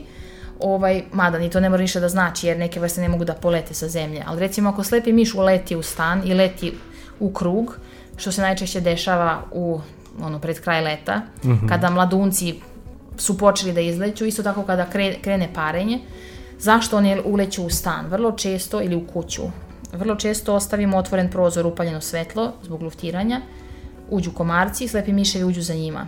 Jednom slepi miš uđe u sobu, počne da leti u krug, da bi pokušao da nađe izlaz napolje, mi se uspaničimo. I šta radimo? Mi pokušamo da isteramo slepog miša tako što mlatimo metlom, bacamo peškir rukama. Onda Slepi se on miš- uspaniči. On se uspaniči još više. On će da leti u krug kao sumanut i Mm. letiće, leteće tik ispod plafona. A vrlo često su prozori ili vrata, znači između vrha prozora ili vrata i do plafona, ima plafona. još neki prostor. A pošto slepi miš leti koliko visoko može da bi pobegao od vas, on nikako da detektuje svoj izlaz napolje. Znači potrebno je da a, ugasite svetlo, napustite prostoriju, ostavite mu otvorena vrata ili prozor i u većini slučajeva će sam da izađe. Ili recimo, ovaj, to je bio scenario kod, kod mojih u kući, slepi miš se zakačio na zavesu. I onda sam rekla mami kao da uhvati nekom krpom pa ili rukavicom, pošto neće od vas napasti, ali kao i svaka druga divlja životinja, ako se osjeti ugroženi, može da, da vas ujedi. Mhm, Sad, kao bilo koja druga mačka kad vas ogrebe, to može da se inficira, pa tako može i kod slepog miša, odnosno kod ujeda. A, znači, samo da ga uhvatite nečim, da zaštite ruku i samo da ga izbacite napolje. Ako životinja ne može da leti, sad, ili ako se nađe mladunče na polju ili neka životinja koja je iznemogla ili povređena, znači pozvati ili prirodnjački muzej ili nas ovdje na Ibisu, pa će, mislim, ili ćemo dati mi instrukcije ako je moguće, ili će neko da preuzme i zbrine životinju. Da, eto. Hvala ti za uh, skoro, vjerovatno dva sata razgovora. Mogli smo da pričamo još. Uh, nadam Da se da ćeš, da, nadam se da ćeš biti bezbedna u uh, sa svim ostalim terenima. Ovde za Srbiju kapiram da to nije toliko baš teško, ali za Afriku gde su sve te crne mambe i ne znam nija šta, uh, ovaj, svakako.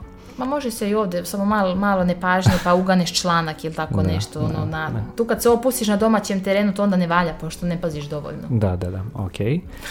I da, i nadam se da će biti tu super zanimljivih rezultata kad se svi ti podaci skupe i tako dalje, da će biti radova, pa ćemo da pričamo nekad i o radovima. I Da, tako. Bože zdravlje, bit će i toga. A, to je to, ništa završavamo u suštini, hvala ti za vreme, meni je bilo super ovdje na Ibisu. Hvala puno na pozivu, nadam se da nisam udavila količinom informacija koje Ma, sam ma izbacila. kakvi, mislim, ja- meni je bilo zadovoljstvo da te slušam, mislim, nisam, ono, imao sam mnogo pitanja još, ali sam se suzdržavao i kao samo pričaj. Ok. Uh, no, ok, završavamo i samo ću na kraju standardno da kažem, ako vas uh, zanimaju ovakve teme, slušajte Radio Galaksiju, pratite Radio Galaksiju, uh, pratite i um, Ibis, uh, ima ih i na društvenim mrežama, imam raznih tu zanimljivih tema, ako želite da pomognete Radio Galaksiji, uh, imate uh, Patreon, Paypal, to već sve znate i tu su linkovi u opisu. Uh, A ako želite i imate ideju da pomognete nekom od ovih istraživanja slepih miševa, javite se na Ibisu, javite se meni, odnosno Radio Galaksiji, do Ivane ćemo lako da dođemo, tako da, eto, ja se nadam da je ovo korisno ne samo za slepe miševe i za diverzitet, nego i za istraživanje koje, koje ti ovde radiš, tako da, eto. Nadam se. Uh, to je to, čujemo se sledeće nedelje. Doviđenja. Thank you.